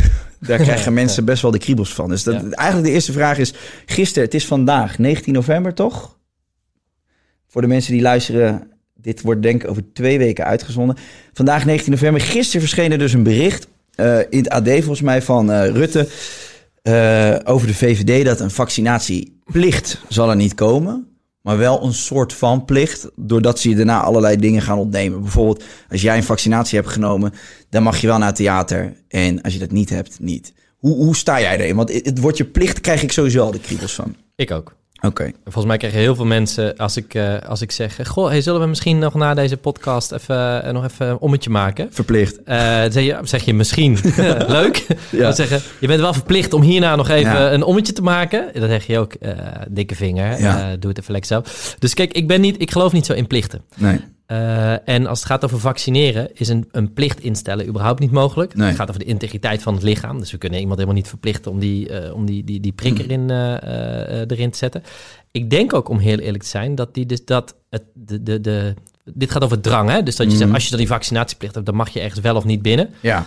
Dat zou kunnen gaan spelen op termijn. Ik denk dat het eerder gaat spelen met testen. Mhm. Dus wat je nu ziet is, ehm, door dit virus, door corona, zijn, er worden er allerlei maatregelen genomen die onwijze impact hebben op ons leven en op de economie. Mhm. Eh, je kan niet de kroeg in, je, kan niet, eh, je mag er niet meer de collegezalen in, theaters zijn dicht en ga zo maar door. Eh, omdat we die, anders dat virus zich te veel verspreidt. Wat je wel kan krijgen is dat als je straks gaat testen, en daar geloof ik wel in, dat we door een hele andere manier van testen, moeten we de samenleving opengooien. Dus waar mijn ergernis zit in het hele Mhm. coronadebat, is dat het voortdurend gaat over alles wat niet kan. Ja. Terwijl we moeten nadenken, hoe kunnen we het wel mogelijk maken? Er wordt eigenlijk Dus- veel te weinig perspectief geboden. Precies, je hebt perspectief nodig. Ja. Kijk, heel, even heel eerlijk, iedereen die zegt dat coronavirus, het valt wel mee, we moeten niet zoveel maatregelen nemen. Dat heb ik het over. We gingen even over de onderbuik versus het Mhm. verstand. Mhm. Er is ook wel eens een ochtend waarop ik wakker word en denk, dat coronavirus, dat is echt een slecht idee. Dat hadden we gewoon niet moeten doen. Ja. maar ja, Ja. het is er. Ja. Eh, en dan moet je toch blijven nadenken. En eh, dat betekent volgens mij dat we op een andere manier naar dit virus moeten kijken. Namelijk, oké, het is er. Het is, het is echt heel heftig. Voor iedereen die dat onderschat, dat wil ik echt wegnemen. Eh, maar hoe kunnen we gewoon zoveel mogelijk doorgaan met elkaar? En ik denk dat de oplossing daarvoor is heel veel testen. Dat vaccin gaat voorlopig de oplossing niet. Hey, en daarbij, weet je, kijk, eh, ik, ik ben ook niet medisch onderlegd, maar wat ik begrijp is van een, een vaccin weet je überhaupt niet Nee. zeker of het werkt. Ehm, daarbij muteert een virus volgens mij regelmatig, waardoor je dan misschien ja, eens in de zoveel tijd weer een nieuw vaccin zou moeten nemen. Ik kan me voorstellen dat als je jaar 25 bent, je bent kerngezond, dat je zegt, ja, dat wil ik niet. Ik wil niet dat er iets in mijn lichaam gespoten wordt, terwijl ik een goed werkend immuunsysteem heb. Dus ik, ik kan me wel voorstellen dat daar, dat daar toch wel wat onrust over ontstaat, Ja. over deze gesprekken. Nee, maar kijk, dus daarom heb je volgens mij even over vaccineren, even breed. Ik ben heel blij dat wij, jij en ik, we allemaal hier zijn ingeënt tegen Mhm. mazelen en Ja. pokken. Dus dat Rijksvaccinatieprogramma, wat als je, als, je, als je een klein kind bent en naar het Mhm. consultatiebureau gaat en die prik die erin gaat, dat is echt fantastisch. Ja. Want dat heeft er echt voor gezorgd dat we uiteindelijk allerlei verschrikkelijke ziektes hebben uit weten te Ja. bannen.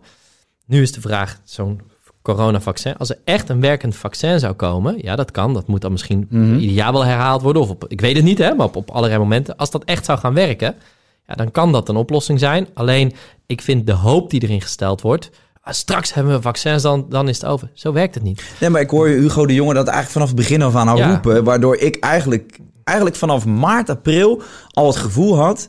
De heilige graal is een vaccin en we kijken naar niks anders. En dat heeft mij eigenlijk... Ik heb dat een beetje bijgehouden en wel een beetje gefrustreerd. Van ja, oké, dus, dus alle ballen op dat vaccin. En voor de rest is er niks mogelijk.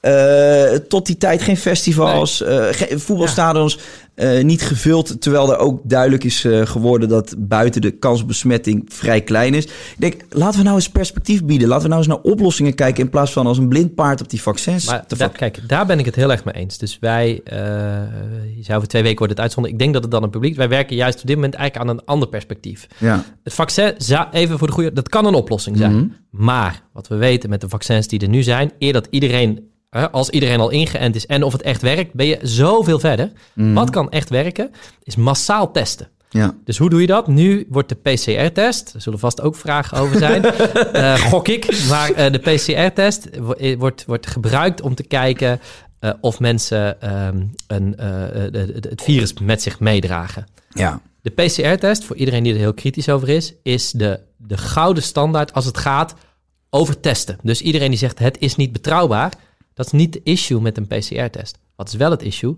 Hij is zo betrouwbaar of zo nauwkeurig dat hij altijd vaststelt dat je iets in je lijf hebt. De vraag om de samenleving meer vrijheid te geven is niet: draag je het virus met je mee? Ben je besmettelijk? Juist. En daar heb je ander type testen voor. Dat zijn Dank bijvoorbeeld antigentesten. Ja.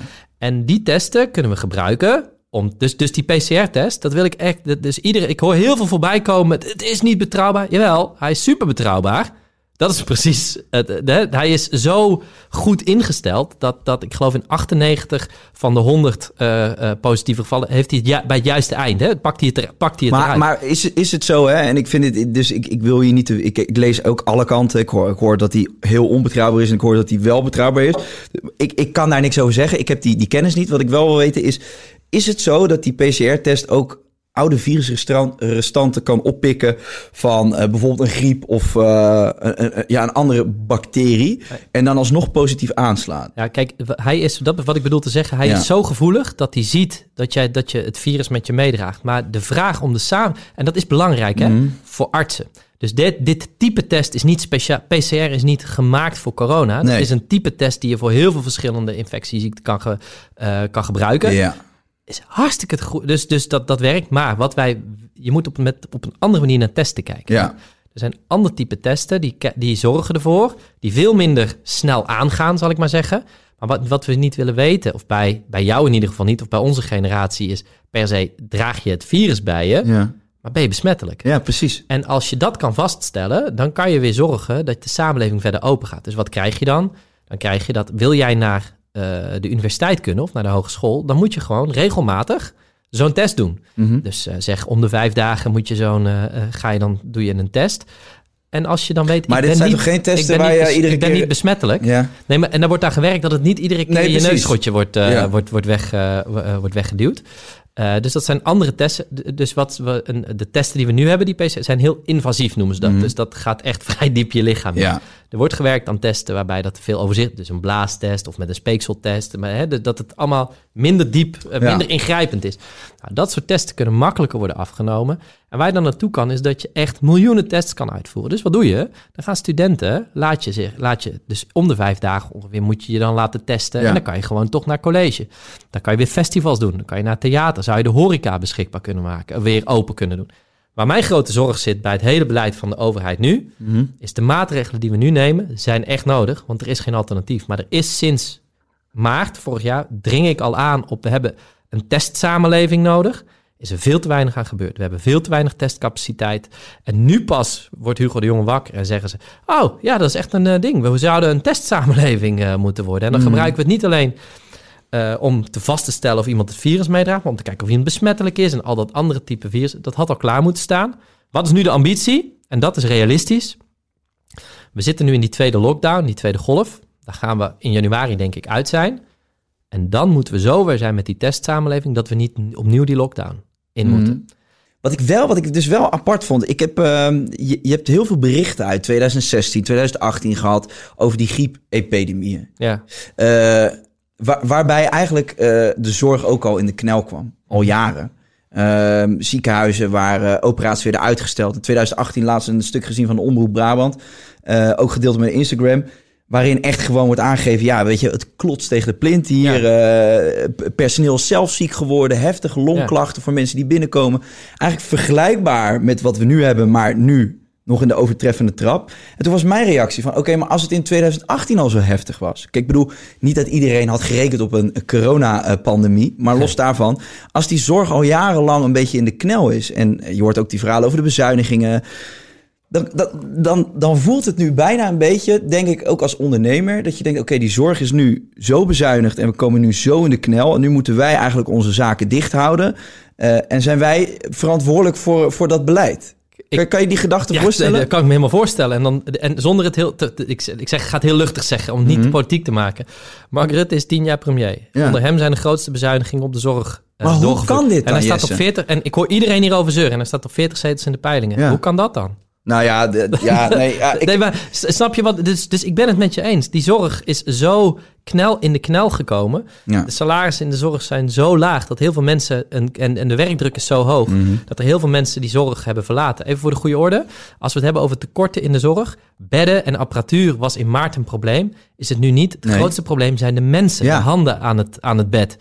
Nou ja, daar zie je, daar hebben wij zoveel gevraagd van die zorgmedewerkers. Dat er gewoon, er waren al enorme tekorten. klopt. Die moet je oplossen. Dat is waar, ik snap dat. Maar ja, dat is geen reden om dan nu te zeggen... ja, eh, het is verkloot, er is bezuinigd op de zorg... nu hoeven we geen stappen meer Nee, maar nu zetten. zit je met z'n allen in de zit shit. je in de shit, ja. Ja, dus, dus, dus, maar die, die, die horecaondernemer, eh, in mijn omgeving zijn er veel. En eh, jongens uit de evenementenbranche, die gewoon echt in een jaar tijd hun complete carrière, hun bedrijf Ja, hebben zien weg. weggaan. Ja. Die zeggen nu, ja maar 2018, 2014, 2016, er werd al jaren geroepen Ja. door de zorg, Ja. medewerkers en door de ziekenhuizen van jongens, we kunnen dit niet aan. Met een normaal griepseizoen. En nu is er een pandemie Klopt. loopt alles weer over in de zorg. En moeten die horecaondernemers, die, moet, die zijn ineens verantwoordelijk voor, voor, voor dat eh, wanbeleid. Maar Nederland was hier niet klaar voor. Nee. Maar uiteindelijk is dit gewoon gebeurd door een regering... die de meerderheid van de Nederlandse Ja. bevolking... Nee, ja, gesteund werd door een meerderheid van de Nederlandse bevolking. dat voelt ook zo, ja. Eh, En, en dit, dit is gewoon beleid geweest van de afgelopen Ja. jaar, waarin de zorg steeds, het allemaal steeds het, ehm, eh, efficiënter is geworden. En in normale tijden werkt het. Alleen het werkt niet op het moment dat er, hè, dat er even druk op komt. En nu is het niet even druk, nu is het heel lang. Ik zou één ding, nu het over kijkersvragen gaat, hè, wat ik heel veel terugkrijg en wat ik Mhm. echt belangrijk vind om te noemen, omdat het nu in mijn hele directe omgeving gebeurt. Je had het over als je jong bent en je voelt het niet. Wat ik echt wil benadrukken, en dat is een verschil met het griepvirus. Vaak Mhm. wordt de vergelijking gemaakt met het griepvirus. Dit is geen griepvirus. Je kan kijken naar het aantal mensen dat overlijdt.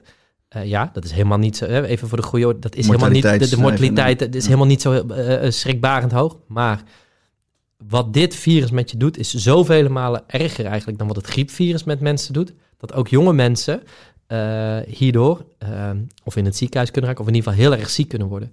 Dus de reden ook, dat, en dat, dat, dat is wat ik weer van de artsen terug hoor. Als je echt met artsen Mhm. gaat praten, zeggen ze nou, nee, eh, laten we even niet over het griepvirus, is ook heel erg. Maar dit, de, de, de gevolgen hiervan zijn zoveel erger. Niet dat daardoor heel veel mensen overlijden, maar ze moeten wel worden opgenomen in het ziekenhuis. Dat zet druk erop. Mhm.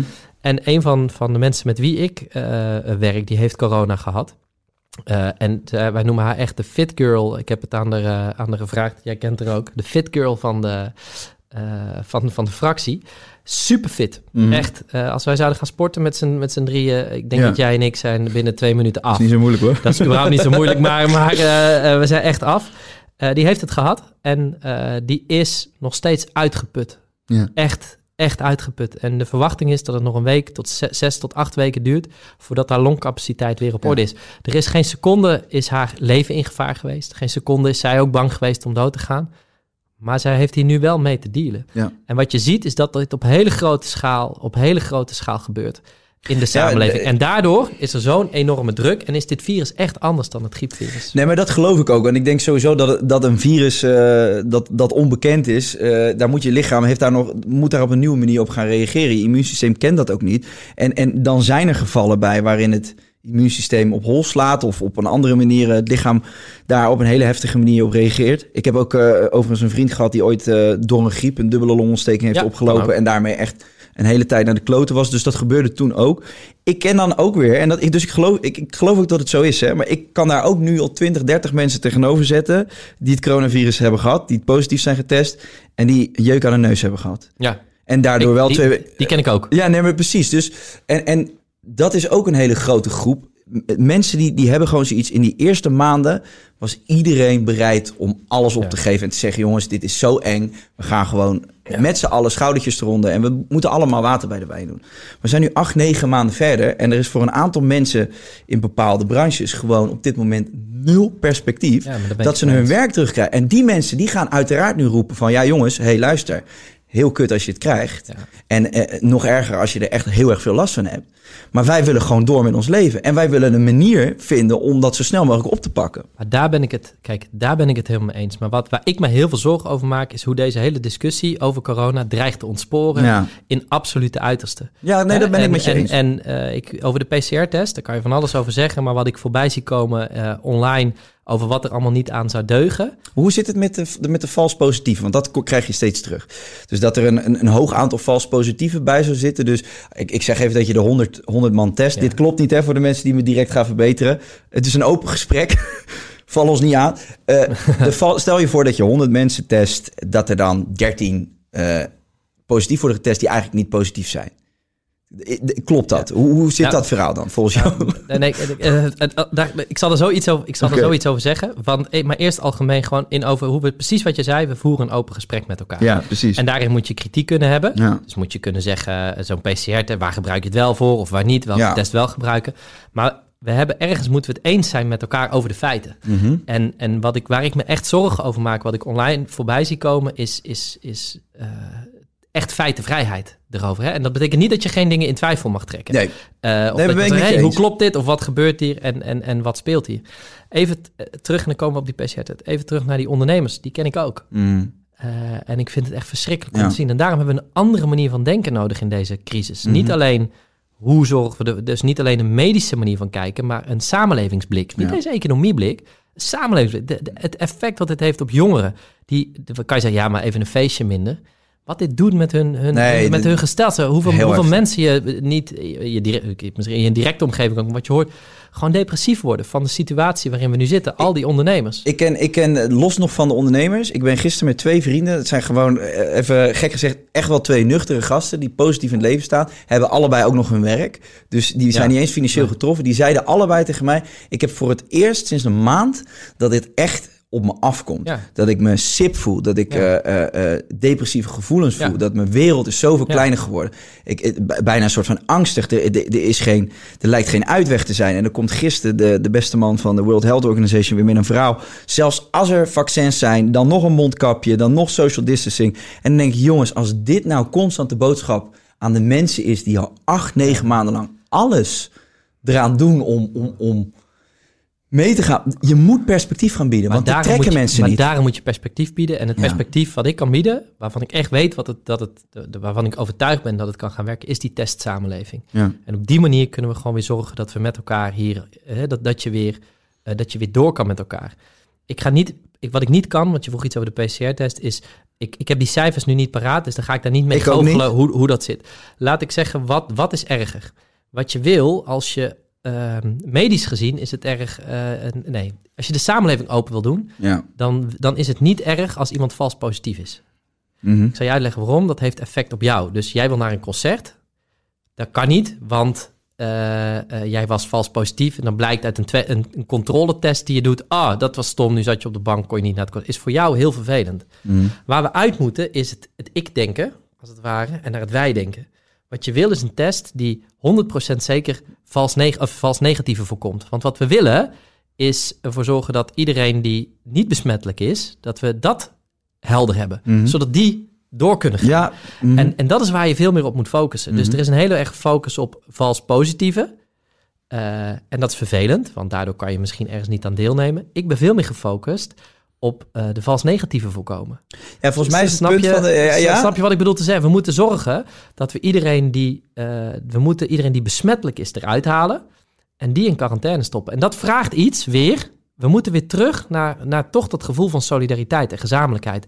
Waarbij we zeggen, luister, wij willen niet terug in lockdown. Zijn we het daarover eens? Dat denkt tot daar iedereen Daar zijn wij het met elkaar over eens. Oké, dat gaat iets betekenen. Voor, Mhm. Dus wij moeten een stukje van onze eigen vrijheid misschien wel opofferen voor het grotere goed. Dat betekent als jij eh, besmettelijk bent, ga jij onder super strenge voorwaarden in quarantaine. Want als jij dat doet, kunnen al jouw vrienden hun baan houden en naar een feestje gaan. En Mhm. daar moeten we naar terug.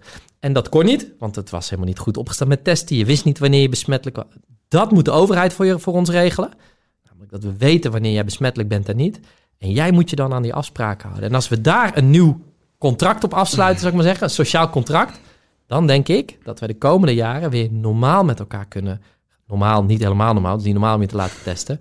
Maar in ieder geval toch weer dat we de horeca weer open kan. Dat we zorgen dat er toch weer festivals zijn. De culturele sector weer kan gaan draaien. Dat het leven weer lucht en zon en energie krijgt. Als dat, als dat met een blaastest zou kunnen, dan zou ik daar direct voor tekenen. Af en toe blazen en als je het hebt, dan ga je naar huis. Ik ben, ik ben het met, met je eens wat je zei, maar ik vind dat ook... eh, dat, kijk, als ik, ik, heb eigenlijk nooit de griep gehad. Dus ik, ik heb misschien ook geluk dat ik eh, van mezelf eh, een goed immuunsysteem heb. Of misschien ben ik gewoon ben ik, ja, daar niet vatbaar voor. Maar ik weet dat als ik me verkouden voelde, dan gaf ik mensen al geen hand. Als ik me verkouden voelde, ging ik niet eh, naar mijn oma toe. Of eh, als ik moest hoesten, dan deed, ik, dan deed ik dat al in mijn elleboog, van. Dus die, die fatsoensnormen waarin je zegt van... oké, als je ziek voelt, dan blijf je binnen... Eh, en dan ga je niet naar andere, andere mensen toe. Die moeten er sowieso zijn. Ik, vind, ik, dus ik ben het ook met jou eens. Zeker als je dan ook nog eens getest wordt en wordt gezegd je bent besmettelijk. Dan vind ik het ook. Gewoon eh, streng zijn, naar binnen en Precies. gewoon wegblijven. Ja, Prima. Als de rest dan door kan, precies. dan staat volgens mij iedereen daarachter. Wat het volgens mij het punt is van de mensen die eh, twijfelen aan die PCR-test, is dat op basis van daar worden wel de besmettingen mee opgeteld. Hè? Dus, dus, dus zij zeggen als jij op een gegeven moment te veel vals positieven hebt, dan, Dan lijkt het alsof het erger is dan, dan lijkt het. En, en wat de media doet, en dat is ook een grote frustratie van heel veel mensen, Ja. is angst, angst, angst, opkloppen, opkloppen. En, en ik, hè, ik, ben, eh, ik, ik weet ook wel een beetje hoe het werkt. Uiteindelijk heb je online allemaal. Ja, je moet als krant ook gewoon je kliks halen. Daar zitten ook de verdienmodellen aan. Dus ik snap dat een, een schreeuwende titel goed werkt. Maar mensen zijn dat echt zat. Mensen willen gewoon trans, eh, een transparant verhaal. Feiten. perspectief, feiten. Als het niet erger is, dan moeten we het ook niet erger maken. Blijf nou gewoon eens gewoon genuanceerd naar de situatie kijken. En bied perspectief. Maar, maar het biedt aan de andere kant ook... Dus ik vind de aanval op de PCR-test en hoe onbetrouwbaar die zou zijn, is ook niet terecht. Mm, Volgens mij zijn er, eh, eh, en dat is op dit moment, is, het, is waar je naar kijkt, is hoe, hoe gaat het nu in de ziekenhuizen? En dat is niet via een test, dat is gewoon de realiteit. Ik ben nog niet zo lang geleden bij Diederik Gommers en Ernst Kuiper op bezoek geweest. En al hun, ik zeg bij hen, maar dat zeg ik kijk, omdat ik zoveel verpleegkundigen daar heb ontmoet. Eigenlijk gaat het om hen, zij doen echt heldenwerk daar in het Erasmus MC. Als je daar komt, dan zie je, wat, dan zie je gewoon wat de realiteit is Mhm. voor die zorg. En wat wij niet willen, wat niemand wil, is dat we mensen hier op de gang zouden moeten. eh, Niemand wil zouden, dat. dat. wil niemand, hè? Niemand. Mensen die op de gang liggen. Dat is even voor de goede. Dat is nu de realiteit. Waar ik uit wil, is uit die. Ik zie het online ook. De hele, ik word er ook voortdurend over bevraagd. Die hele discussie. En de vals positief. En wat tellen we nu op? En jongens, kijk even naar de echte wereld. Dit is wat er nu gebeurt. En vervolgens moeten we met elkaar de stap zetten naar die testsamenleving. Zodat we ervoor zorgen dat we de besmettelijke mensen, dus niet de dragers van het virus, nee, dus besmettelijke mensen eruit halen. Zodat de rest eh, zoveel mogelijk kan doorgaan. Dat is de grote opgave waar we nu voor staan. Dat is, dat is het perspectief. En ik denk dat als we dat met elkaar kunnen doen, dat er weer licht, echt licht aan het einde van de tunnel is. En ik ben het met je eens. Iedereen die zegt het vaccin is de oplossing, dat is gewoon niet waar nee. omdat we niet weten hoe lang het vaccin werkt. We weten niet hoeveel vaccins er komen. Eh, en hoe, dus dus het, kan, het is een deel van de oplossing, maar niet de hele oplossing. Dus de testbeleid is echt, jongens, daarmee kunnen we uiteindelijk de boel weer opengooien. en daar heeft de overheid, om heel eerlijk te zijn, heeft, heeft dit kabinet gewoon ja, echt verknald. Ik, dit, ik zeg dit vanaf mei vorig jaar. Eh, en het, het komt gewoon niet door. Want nog één ding over als ik me ziek voel. Weet je wat het grote probleem is met jongeren? Ik voel niks, zeggen ze. Ja, Mm. Weet je wat het grote probleem is? Omdat je niks voelt. eh, Nee, nee, ga je rondlopen, kom je met allerlei mensen in contact. Dat is niet, daarmee zeg ik niet dat het jouw schuld is.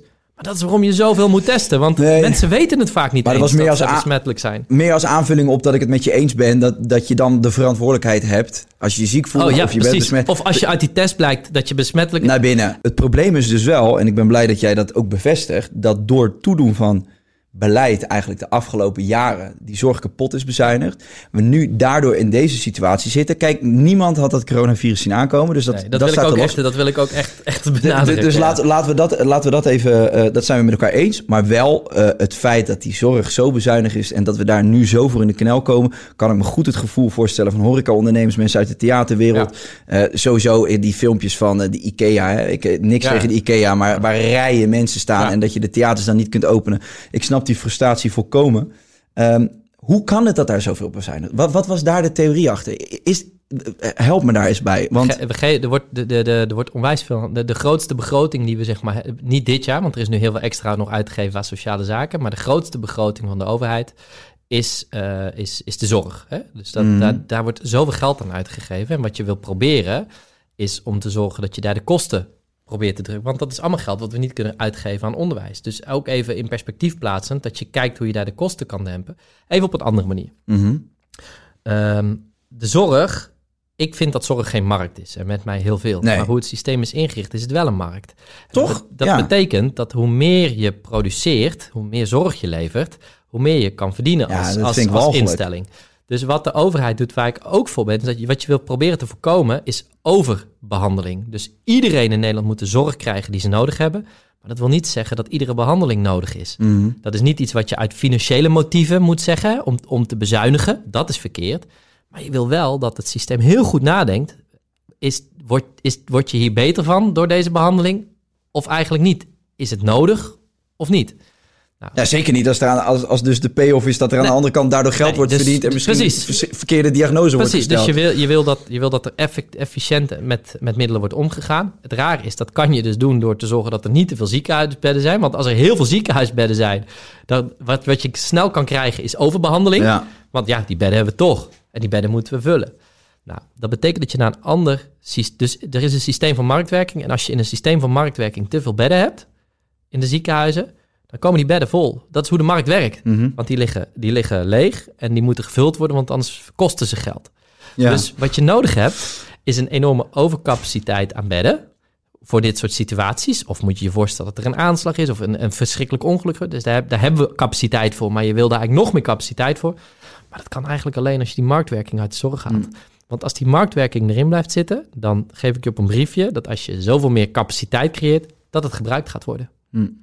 En dat willen we ook niet. En het gaat voor, voor de duidelijkheid ook. Hè. Het gaat nu, want ik, eh, ik, ik hoorde ook dan wel eens het verhaal. Ja, maar de, in Ahoy is een noodziekenhuis eh, opgebouwd en wordt niet gebruikt. Het gaat nu echt dat we handen tekort We, komen. hebben, toch? we komen handen tekort. Precies. Dus het Dus- gaat even dus- niet om de bedden, IC-bedden. Die zijn er genoeg. bedden, niet, om, niet om ventilatoren, dus dat, dat is, zijn de Mhm. beademingsapparaten. Mensen die moeten, dit, die moeten dit kunnen bedienen. En we komen gewoon mensen tekort in de zorg. En En is er een manier om dat op korte termijn aan te vullen? Kun je bijvoorbeeld mensen die gestopt Ja. zijn met werken Ja. weer... eh, ja? ja, ja, je moet mensen die gestopt zijn met werken daar, die moet je weer proberen in ieder geval tijdelijk terug te krijgen. Maar wat mij betreft definitief. Kijk, de reden waarom mensen daar weggaan in de zorg, is dat ze in vergelijking met andere sectoren onderbetaald worden. Eh, en ten tweede dat de werkdruk enorm hoog is. En aan die twee dingen moet je echt iets doen. En de volgorde is dan eerst dat hogere salaris, dan komen er meer collega's en dan kan de werkdruk om. Ja. Een derde reden waarom die werkdruk, of een reden waarom die werkdruk zo hoog is, is de enorme verantwoordingslast die er is. Door de marktwerking hebben we allerlei verzekeraars. Dus het is nu 1 november geweest, dus je Mhm. kan weer kiezen. Heb je een nieuwe zorgverzekering al uitgekozen? Nee? Nee? Nee, nou, nee. Met jou denk ik heel veel andere mensen, maar er zijn Ik heel schrik veel... helemaal. Shit, had ik Nee, dat moeten doen? Er, er zijn heel veel, er zijn heel veel verzekeraars en, ieder ziek, en iedere verzekeraar kan op zijn eigen manier mag eh, informatie opvragen bij ziekenhuizen. Dat betekent dat in ziekenhuizen allemaal, die moeten allemaal op een andere manier hun kosten declareren. Mhm. Dat is een enorme verantwoordingslast. En drie keer raden wie dat moeten doen, dat zijn de mensen op de werkvloer. Die Ja. dus zijn dus heel veel bezig met dossiers invullen en bureaucratie. Dat geeft zo'n enorme werkdruk. Dus dat is niet de korte termijn, want het duurt voordat we het hebben gedaan. Marktwerking uit het systeem Ja. halen. Jongens, we hebben gewoon goede zorg nodig. En daar betalen we met z'n allen voor. Ja. Hoe fucking cares dat je dat nou bij welke verzekeraar je zit? Je wilt Mhm. toch gewoon goede zorg? Als je Mhm. ziek bent, dan wil je toch gewoon de zorg krijgen die nodig is. Absoluut. Als je dat, dus, dus we moeten ook het systeem durven veranderen. Ja. Dus het is op de korte termijn mensen die uit de zorg zijn gegaan, die daar komen werken. Eh, In Breda zijn Om het bijvoorbeeld aan mensen te uit de horeca, die, die kunnen hand- en spandiensten verlenen. Dus er kan van alles extra gebeuren. Maar op de middellange termijn, volgend kabinet, wat heel erg op mijn lijstje staat in ieder geval. Als we die marktwerking er niet uitgaan, gaat dit nooit veranderen. Nee. En je moet de, de salarissen moeten gewoon omhoog. Het is gewoon, dit- en, en dat, dat is echt, ja, dat, Nee, maar wat dat, dat, is ook, dat is ook weer zo Nederlands, weet je wel. Dan gaan we met z'n allen staan klappen voor de zorg. ja. En denk ik, ja, klappen, eh, ge- daar moet geld bij. Eh, En ik, ik weet dat dat ook heel populistisch klinkt wat ik nu zeg. Maar, en, ik, en dat het allemaal echt wel wat ingewikkelder ligt. Maar uiteindelijk, eh, dat klappen voor de zorg, Precies. daar hebben ze geen fuck aan. Nee, maar zo Laat het ze nou echt eens merken dan op die werkvloer. Ja. Dat ze gewaardeerd worden. Ja, precies. En, en, en dat is echt nodig. Want zeker, niet iedereen... Ook laat ik even tegenover jouw populisme even wat... Populisme erin gooien.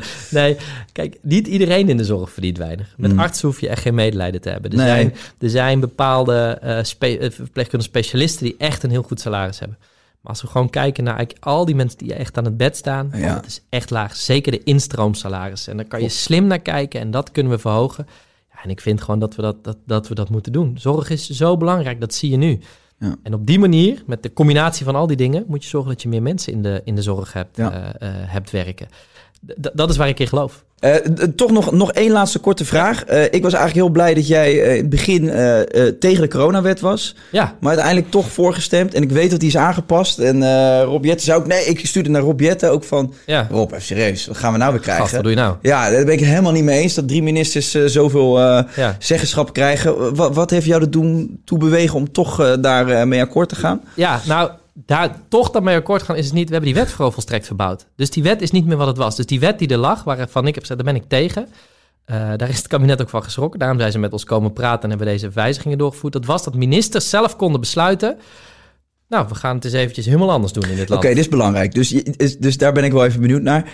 Mijn grootste angst was dat... Volgens mij duurt dit drie maanden, toch? Die noodwet nu. Eh, is dat voor een termijn van drie maanden? Eh, het is een tijdelijke wet. Ik weet, even, ik weet niet of het nou drie, twee of vier is, maar het is een tijdelijke wet. Maar zij mogen niet zelf met Nee. z'n drie beslissen dat die wet weer wordt verlengd, toch? Als ik even heel kort mag zeggen. Ja? Zij kunnen niet zelf zeggen dat die wet wordt verlengd. Zij kunnen niet zelf zeggen, en nu gaan we zulke verregaande maatregelen nemen. Dat moet allemaal via de Tweede Kamer. Oké. Dus wat, wat wij hebben gezegd, waarom ik tegen die wet was, is ik ga niet één, twee of drie ministers in dit, eigenlijk de minister van Volksgezondheid, Hugo de Jonge, zoveel macht geven. Nee, die moet je helemaal geen macht Nee, geven. nee, maar buiten, bui- buiten, buiten hem. Maar je gaat niet één persoon zoveel macht geven. Eh, om allerlei verregaande besluiten te nemen die, mens, die mensenrechten inperken. Nee, Doen- precies. dat doen we niet. No fucking way. Dat hebben we dus ook niet gedaan.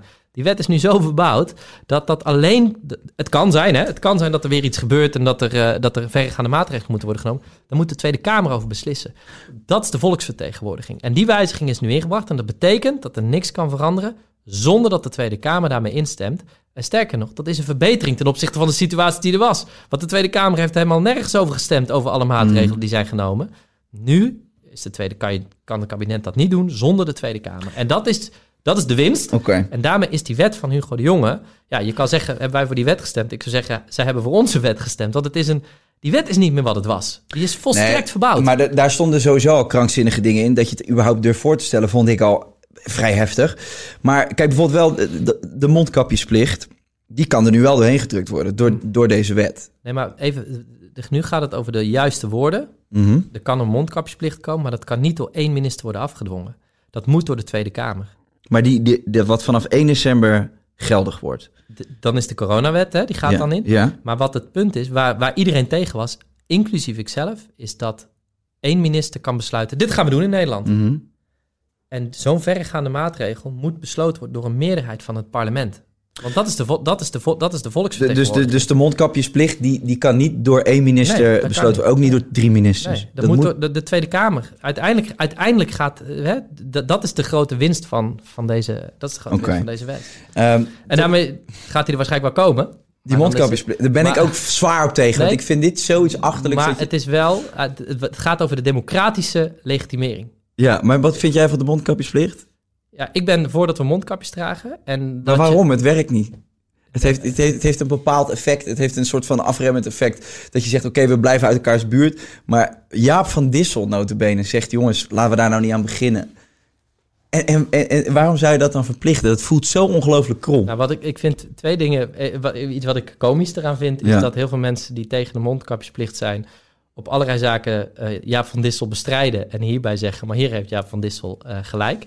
Wat, er- wat je weet van dit, wat we weten, in ieder geval waar ik me op, laat ik gewoon zeggen waar ik me op, op baseer. Waarom Mhm. ik wel een mondkapje draag in publieke ruimtes. En eh, ehm, dat is het volgende. Ehm, we weten eh, uit heel veel internationaal onderzoek, ik kijk vooral naar de WHO, daar krijg je heel veel, ik zie de comments nu komen over de WHO en wat daar fout aan is, maar eh, wat we weten uit, uit internationaal onderzoek is dat het wel degelijk het virus, het eh, aantal, hè, de, de virusload kan afremmen, dat het wel degelijk werkt. Ook in Amerika heeft de dokter Fauci nog niet zo lang geleden dat weer eh, gezegd. Dus de en, maar er zijn ook mensen die zeggen, nee, het werkt niet. Nee. Eh, het heeft allerlei andere negatieve Onderzoek effecten. van, van Radar, volgens mij Eh, VPRO dus, dus, er hè, dus, dus dat is ook de slotsom voor mij is, wat we zeker weten, is dat het geen negatieve, eh, het heeft geen negatieve gevolgen. En dan kan je maar beter het zekere voor het onzekere nemen door het, eh door het we moeten niet te lang ophouden. Ik zou iedereen wel aanraden na twee uur echt even afdoen. Want anders eh, wordt het niet gezond. nou, wat vooral niet fijn is dat je je eigen adem zo Nee. ruikt.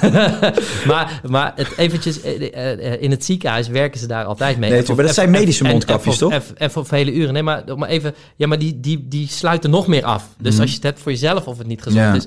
Dus het is niet ongezond voor je. Ik weet dat er ook mensen zijn die zeggen dat het ongezond is voor jezelf. Het, het- ik geloof niet dat het ongezond is voor jezelf. Als het een klein beetje bijdraagt in deze hele shitzooi, ja, dan, wil ik daar, dan doe ik daar graag aan mee. Omdat ik er alles aan wil doen om volgende lockdowns te voorkomen en dat je anderen besmet. Daar wil ik aan bijdragen. Ja, nou, ik, ik, ik, dat, ik- is voor mij, dat is voor mij de... de, de Ja, de- ik, heb dat, ik, zou, ik, ik denk dat iedereen dat he- wel heeft. Die wil daaraan bijdragen. Ook de mensen die tegen mondkapjes zijn. Maar het, het voelt, vooral als je het gevoel hebt dat het weinig effect heeft of niet genoeg effect. Hè? Daar, daar mag ook nog steeds een discussie over bestaan. Maar dan kan ik me wel voorstellen dat een, een mondkapjesplicht ineens wel iets voelt als... ja, maar jongens, als er gewoon maandenlang wordt geroepen... we gaan niet volgens, beginnen. maar weet je wat volgens mij de crux is? Althans, dat Mhm. denk ik. Nou, Kijk, als, als, je, eh, als je ziet als je jong bent of ondernemer en je ziet Ja. dat de afgelopen jaar je bedrijf failliet is gegaan, je een stukje van je toekomst voelt afgepakt. Mhm.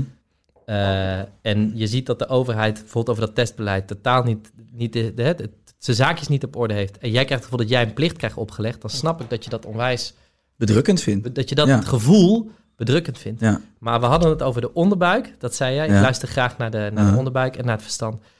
Onderbuik klinkt negatief. Het gaat over je gevoel. Nee, Volg- absoluut. Volg, volg je gevoel Intuïtie. en je intuïtie. Maar kijk ook naar de. ik- Maar, maar gebruik, ook je, gebruik ook je verstand en rationaliseer. Mhm. En als ik die twee met elkaar combineer, dan kom ik tot de slotsom. In ieder geval dat ik zeg, ja, dat, toch is het verstandig om mondkapjes, te, eh, om mondkapjes te gebruiken.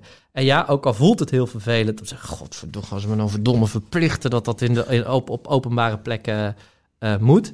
Ik denk nog steeds dat het heel verstandig is. En als het er kan bijdraagt dat wij de samenleving gewoon weer niet op slot hoeven te doen, alsjeblieft jongens, doe het.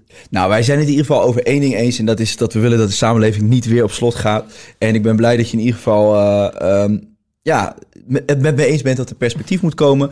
Eh, ik ben ook blij dat we gewoon lekker even hier gesprek over kunnen voeren. Wat ik dus, dus als, ik wil eigenlijk ook gewoon aan iedereen vragen. Online merk ik dat er zoveel discussies zijn waarin mensen eigenlijk elkaar voor van alles wat uitmaakt. Blijf het gesprek voeren. Je hoeft het niet met elkaar eens te zijn. Ik ben het ook niet met alles eens wat Jesse zegt. eh, en hij niet met mij. Maar laten we dat gesprek blijven aangaan. En laten we gewoon op een normale manier met elkaar communiceren. Ik vond het heel erg fijn dat je er was. Dankjewel, ik ook. Ik vond het En, een eh, superleuk gesprek. eh, het stukje over corona, maar vooral ook daarvoor. Dus nogmaals, ik eh, dank je zeer. En, eh, Ja, bedankt. En ik sluit me helemaal aan bij je laatste oproep. Ja. Weet je, dat, als, als ik dat is misschien het enige politieke, maar het komt uit de, uit- echt uit de grond van mijn hart. Ik geloof in democratie. En democratie is niet op, alleen op 17 maart stemmen. Dat is hoe wij met elkaar het gesprek voeren. En in dit land proberen vorm te geven. En dit land is niet een vriendengroep waarvan je kan zeggen... Ja, jou vind ik gewoon niet meer leuk. Ik, ik ga er even uit. We zijn een familie. En zoals jouw vader familie was... eh, je hebt wel gekozen, oké, ik ga misschien iets... Ik kijk even, ik laat je wat los, mhm. maar ik laat je niet gaan. Nee. Dat is wat we als samenleving zijn. Dat betekent dat je met elkaar moet blijven praten, elkaar moet blijven proberen te begrijpen. En vandaar samen verder gaan. Want Ja. anders, jongens, zijn we echt gedoemd. Nee, die polarisatie is, is, is echt een groot probleem op dit moment. En ik hoop echt dat iedereen gewoon... Weet je, we zijn allemaal mensen, we willen uiteindelijk allemaal hetzelfde. En, en, en sommige mensen zijn... Ja, hebben, hebben een andere, hebben andere standpunten dan jij. Eh, Blijf met elkaar praten en respecteer elkaar als mens. En eh, nogmaals, heel erg bedankt. Dankjewel. Jij Jullie heel erg bedankt voor het luisteren en eh, kijken. En eh, tot de volgende keer. Ciao!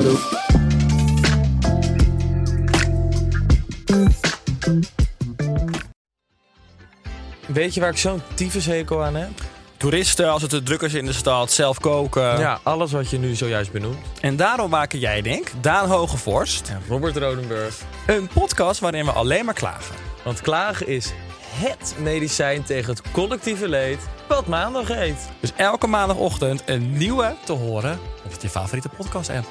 Maandag Klaagdag! Jezus, zingen moeten wij nooit doen. Planning for your next trip? Elevate your travel style with Quince. Quince has all the jet setting essentials you'll want for your next getaway, like European linen, premium luggage options, buttery soft Italian leather bags, and so much more. And is all priced at 50 to 80% less than similar brands. Plus, Quince only works with factories that use safe and ethical manufacturing practices. Pack your bags with high-quality essentials you'll be wearing for vacations to come with Quince. Go to quince.com slash pack for free shipping and 365-day returns. Mom deserves the best, and there's no better place to shop for Mother's Day than Whole Foods Market. They're your destination for unbeatable savings, from premium gifts to show-stopping flowers and irresistible desserts. Start by saving 33% with Prime on all body care and candles. Then get a 15-stem bunch of tulips for just $9.99 each with Prime. Round out Mom's menu with festive rosé, irresistible berry chantilly cake, and more special treats. Come celebrate Mother's Day at Whole Foods Market.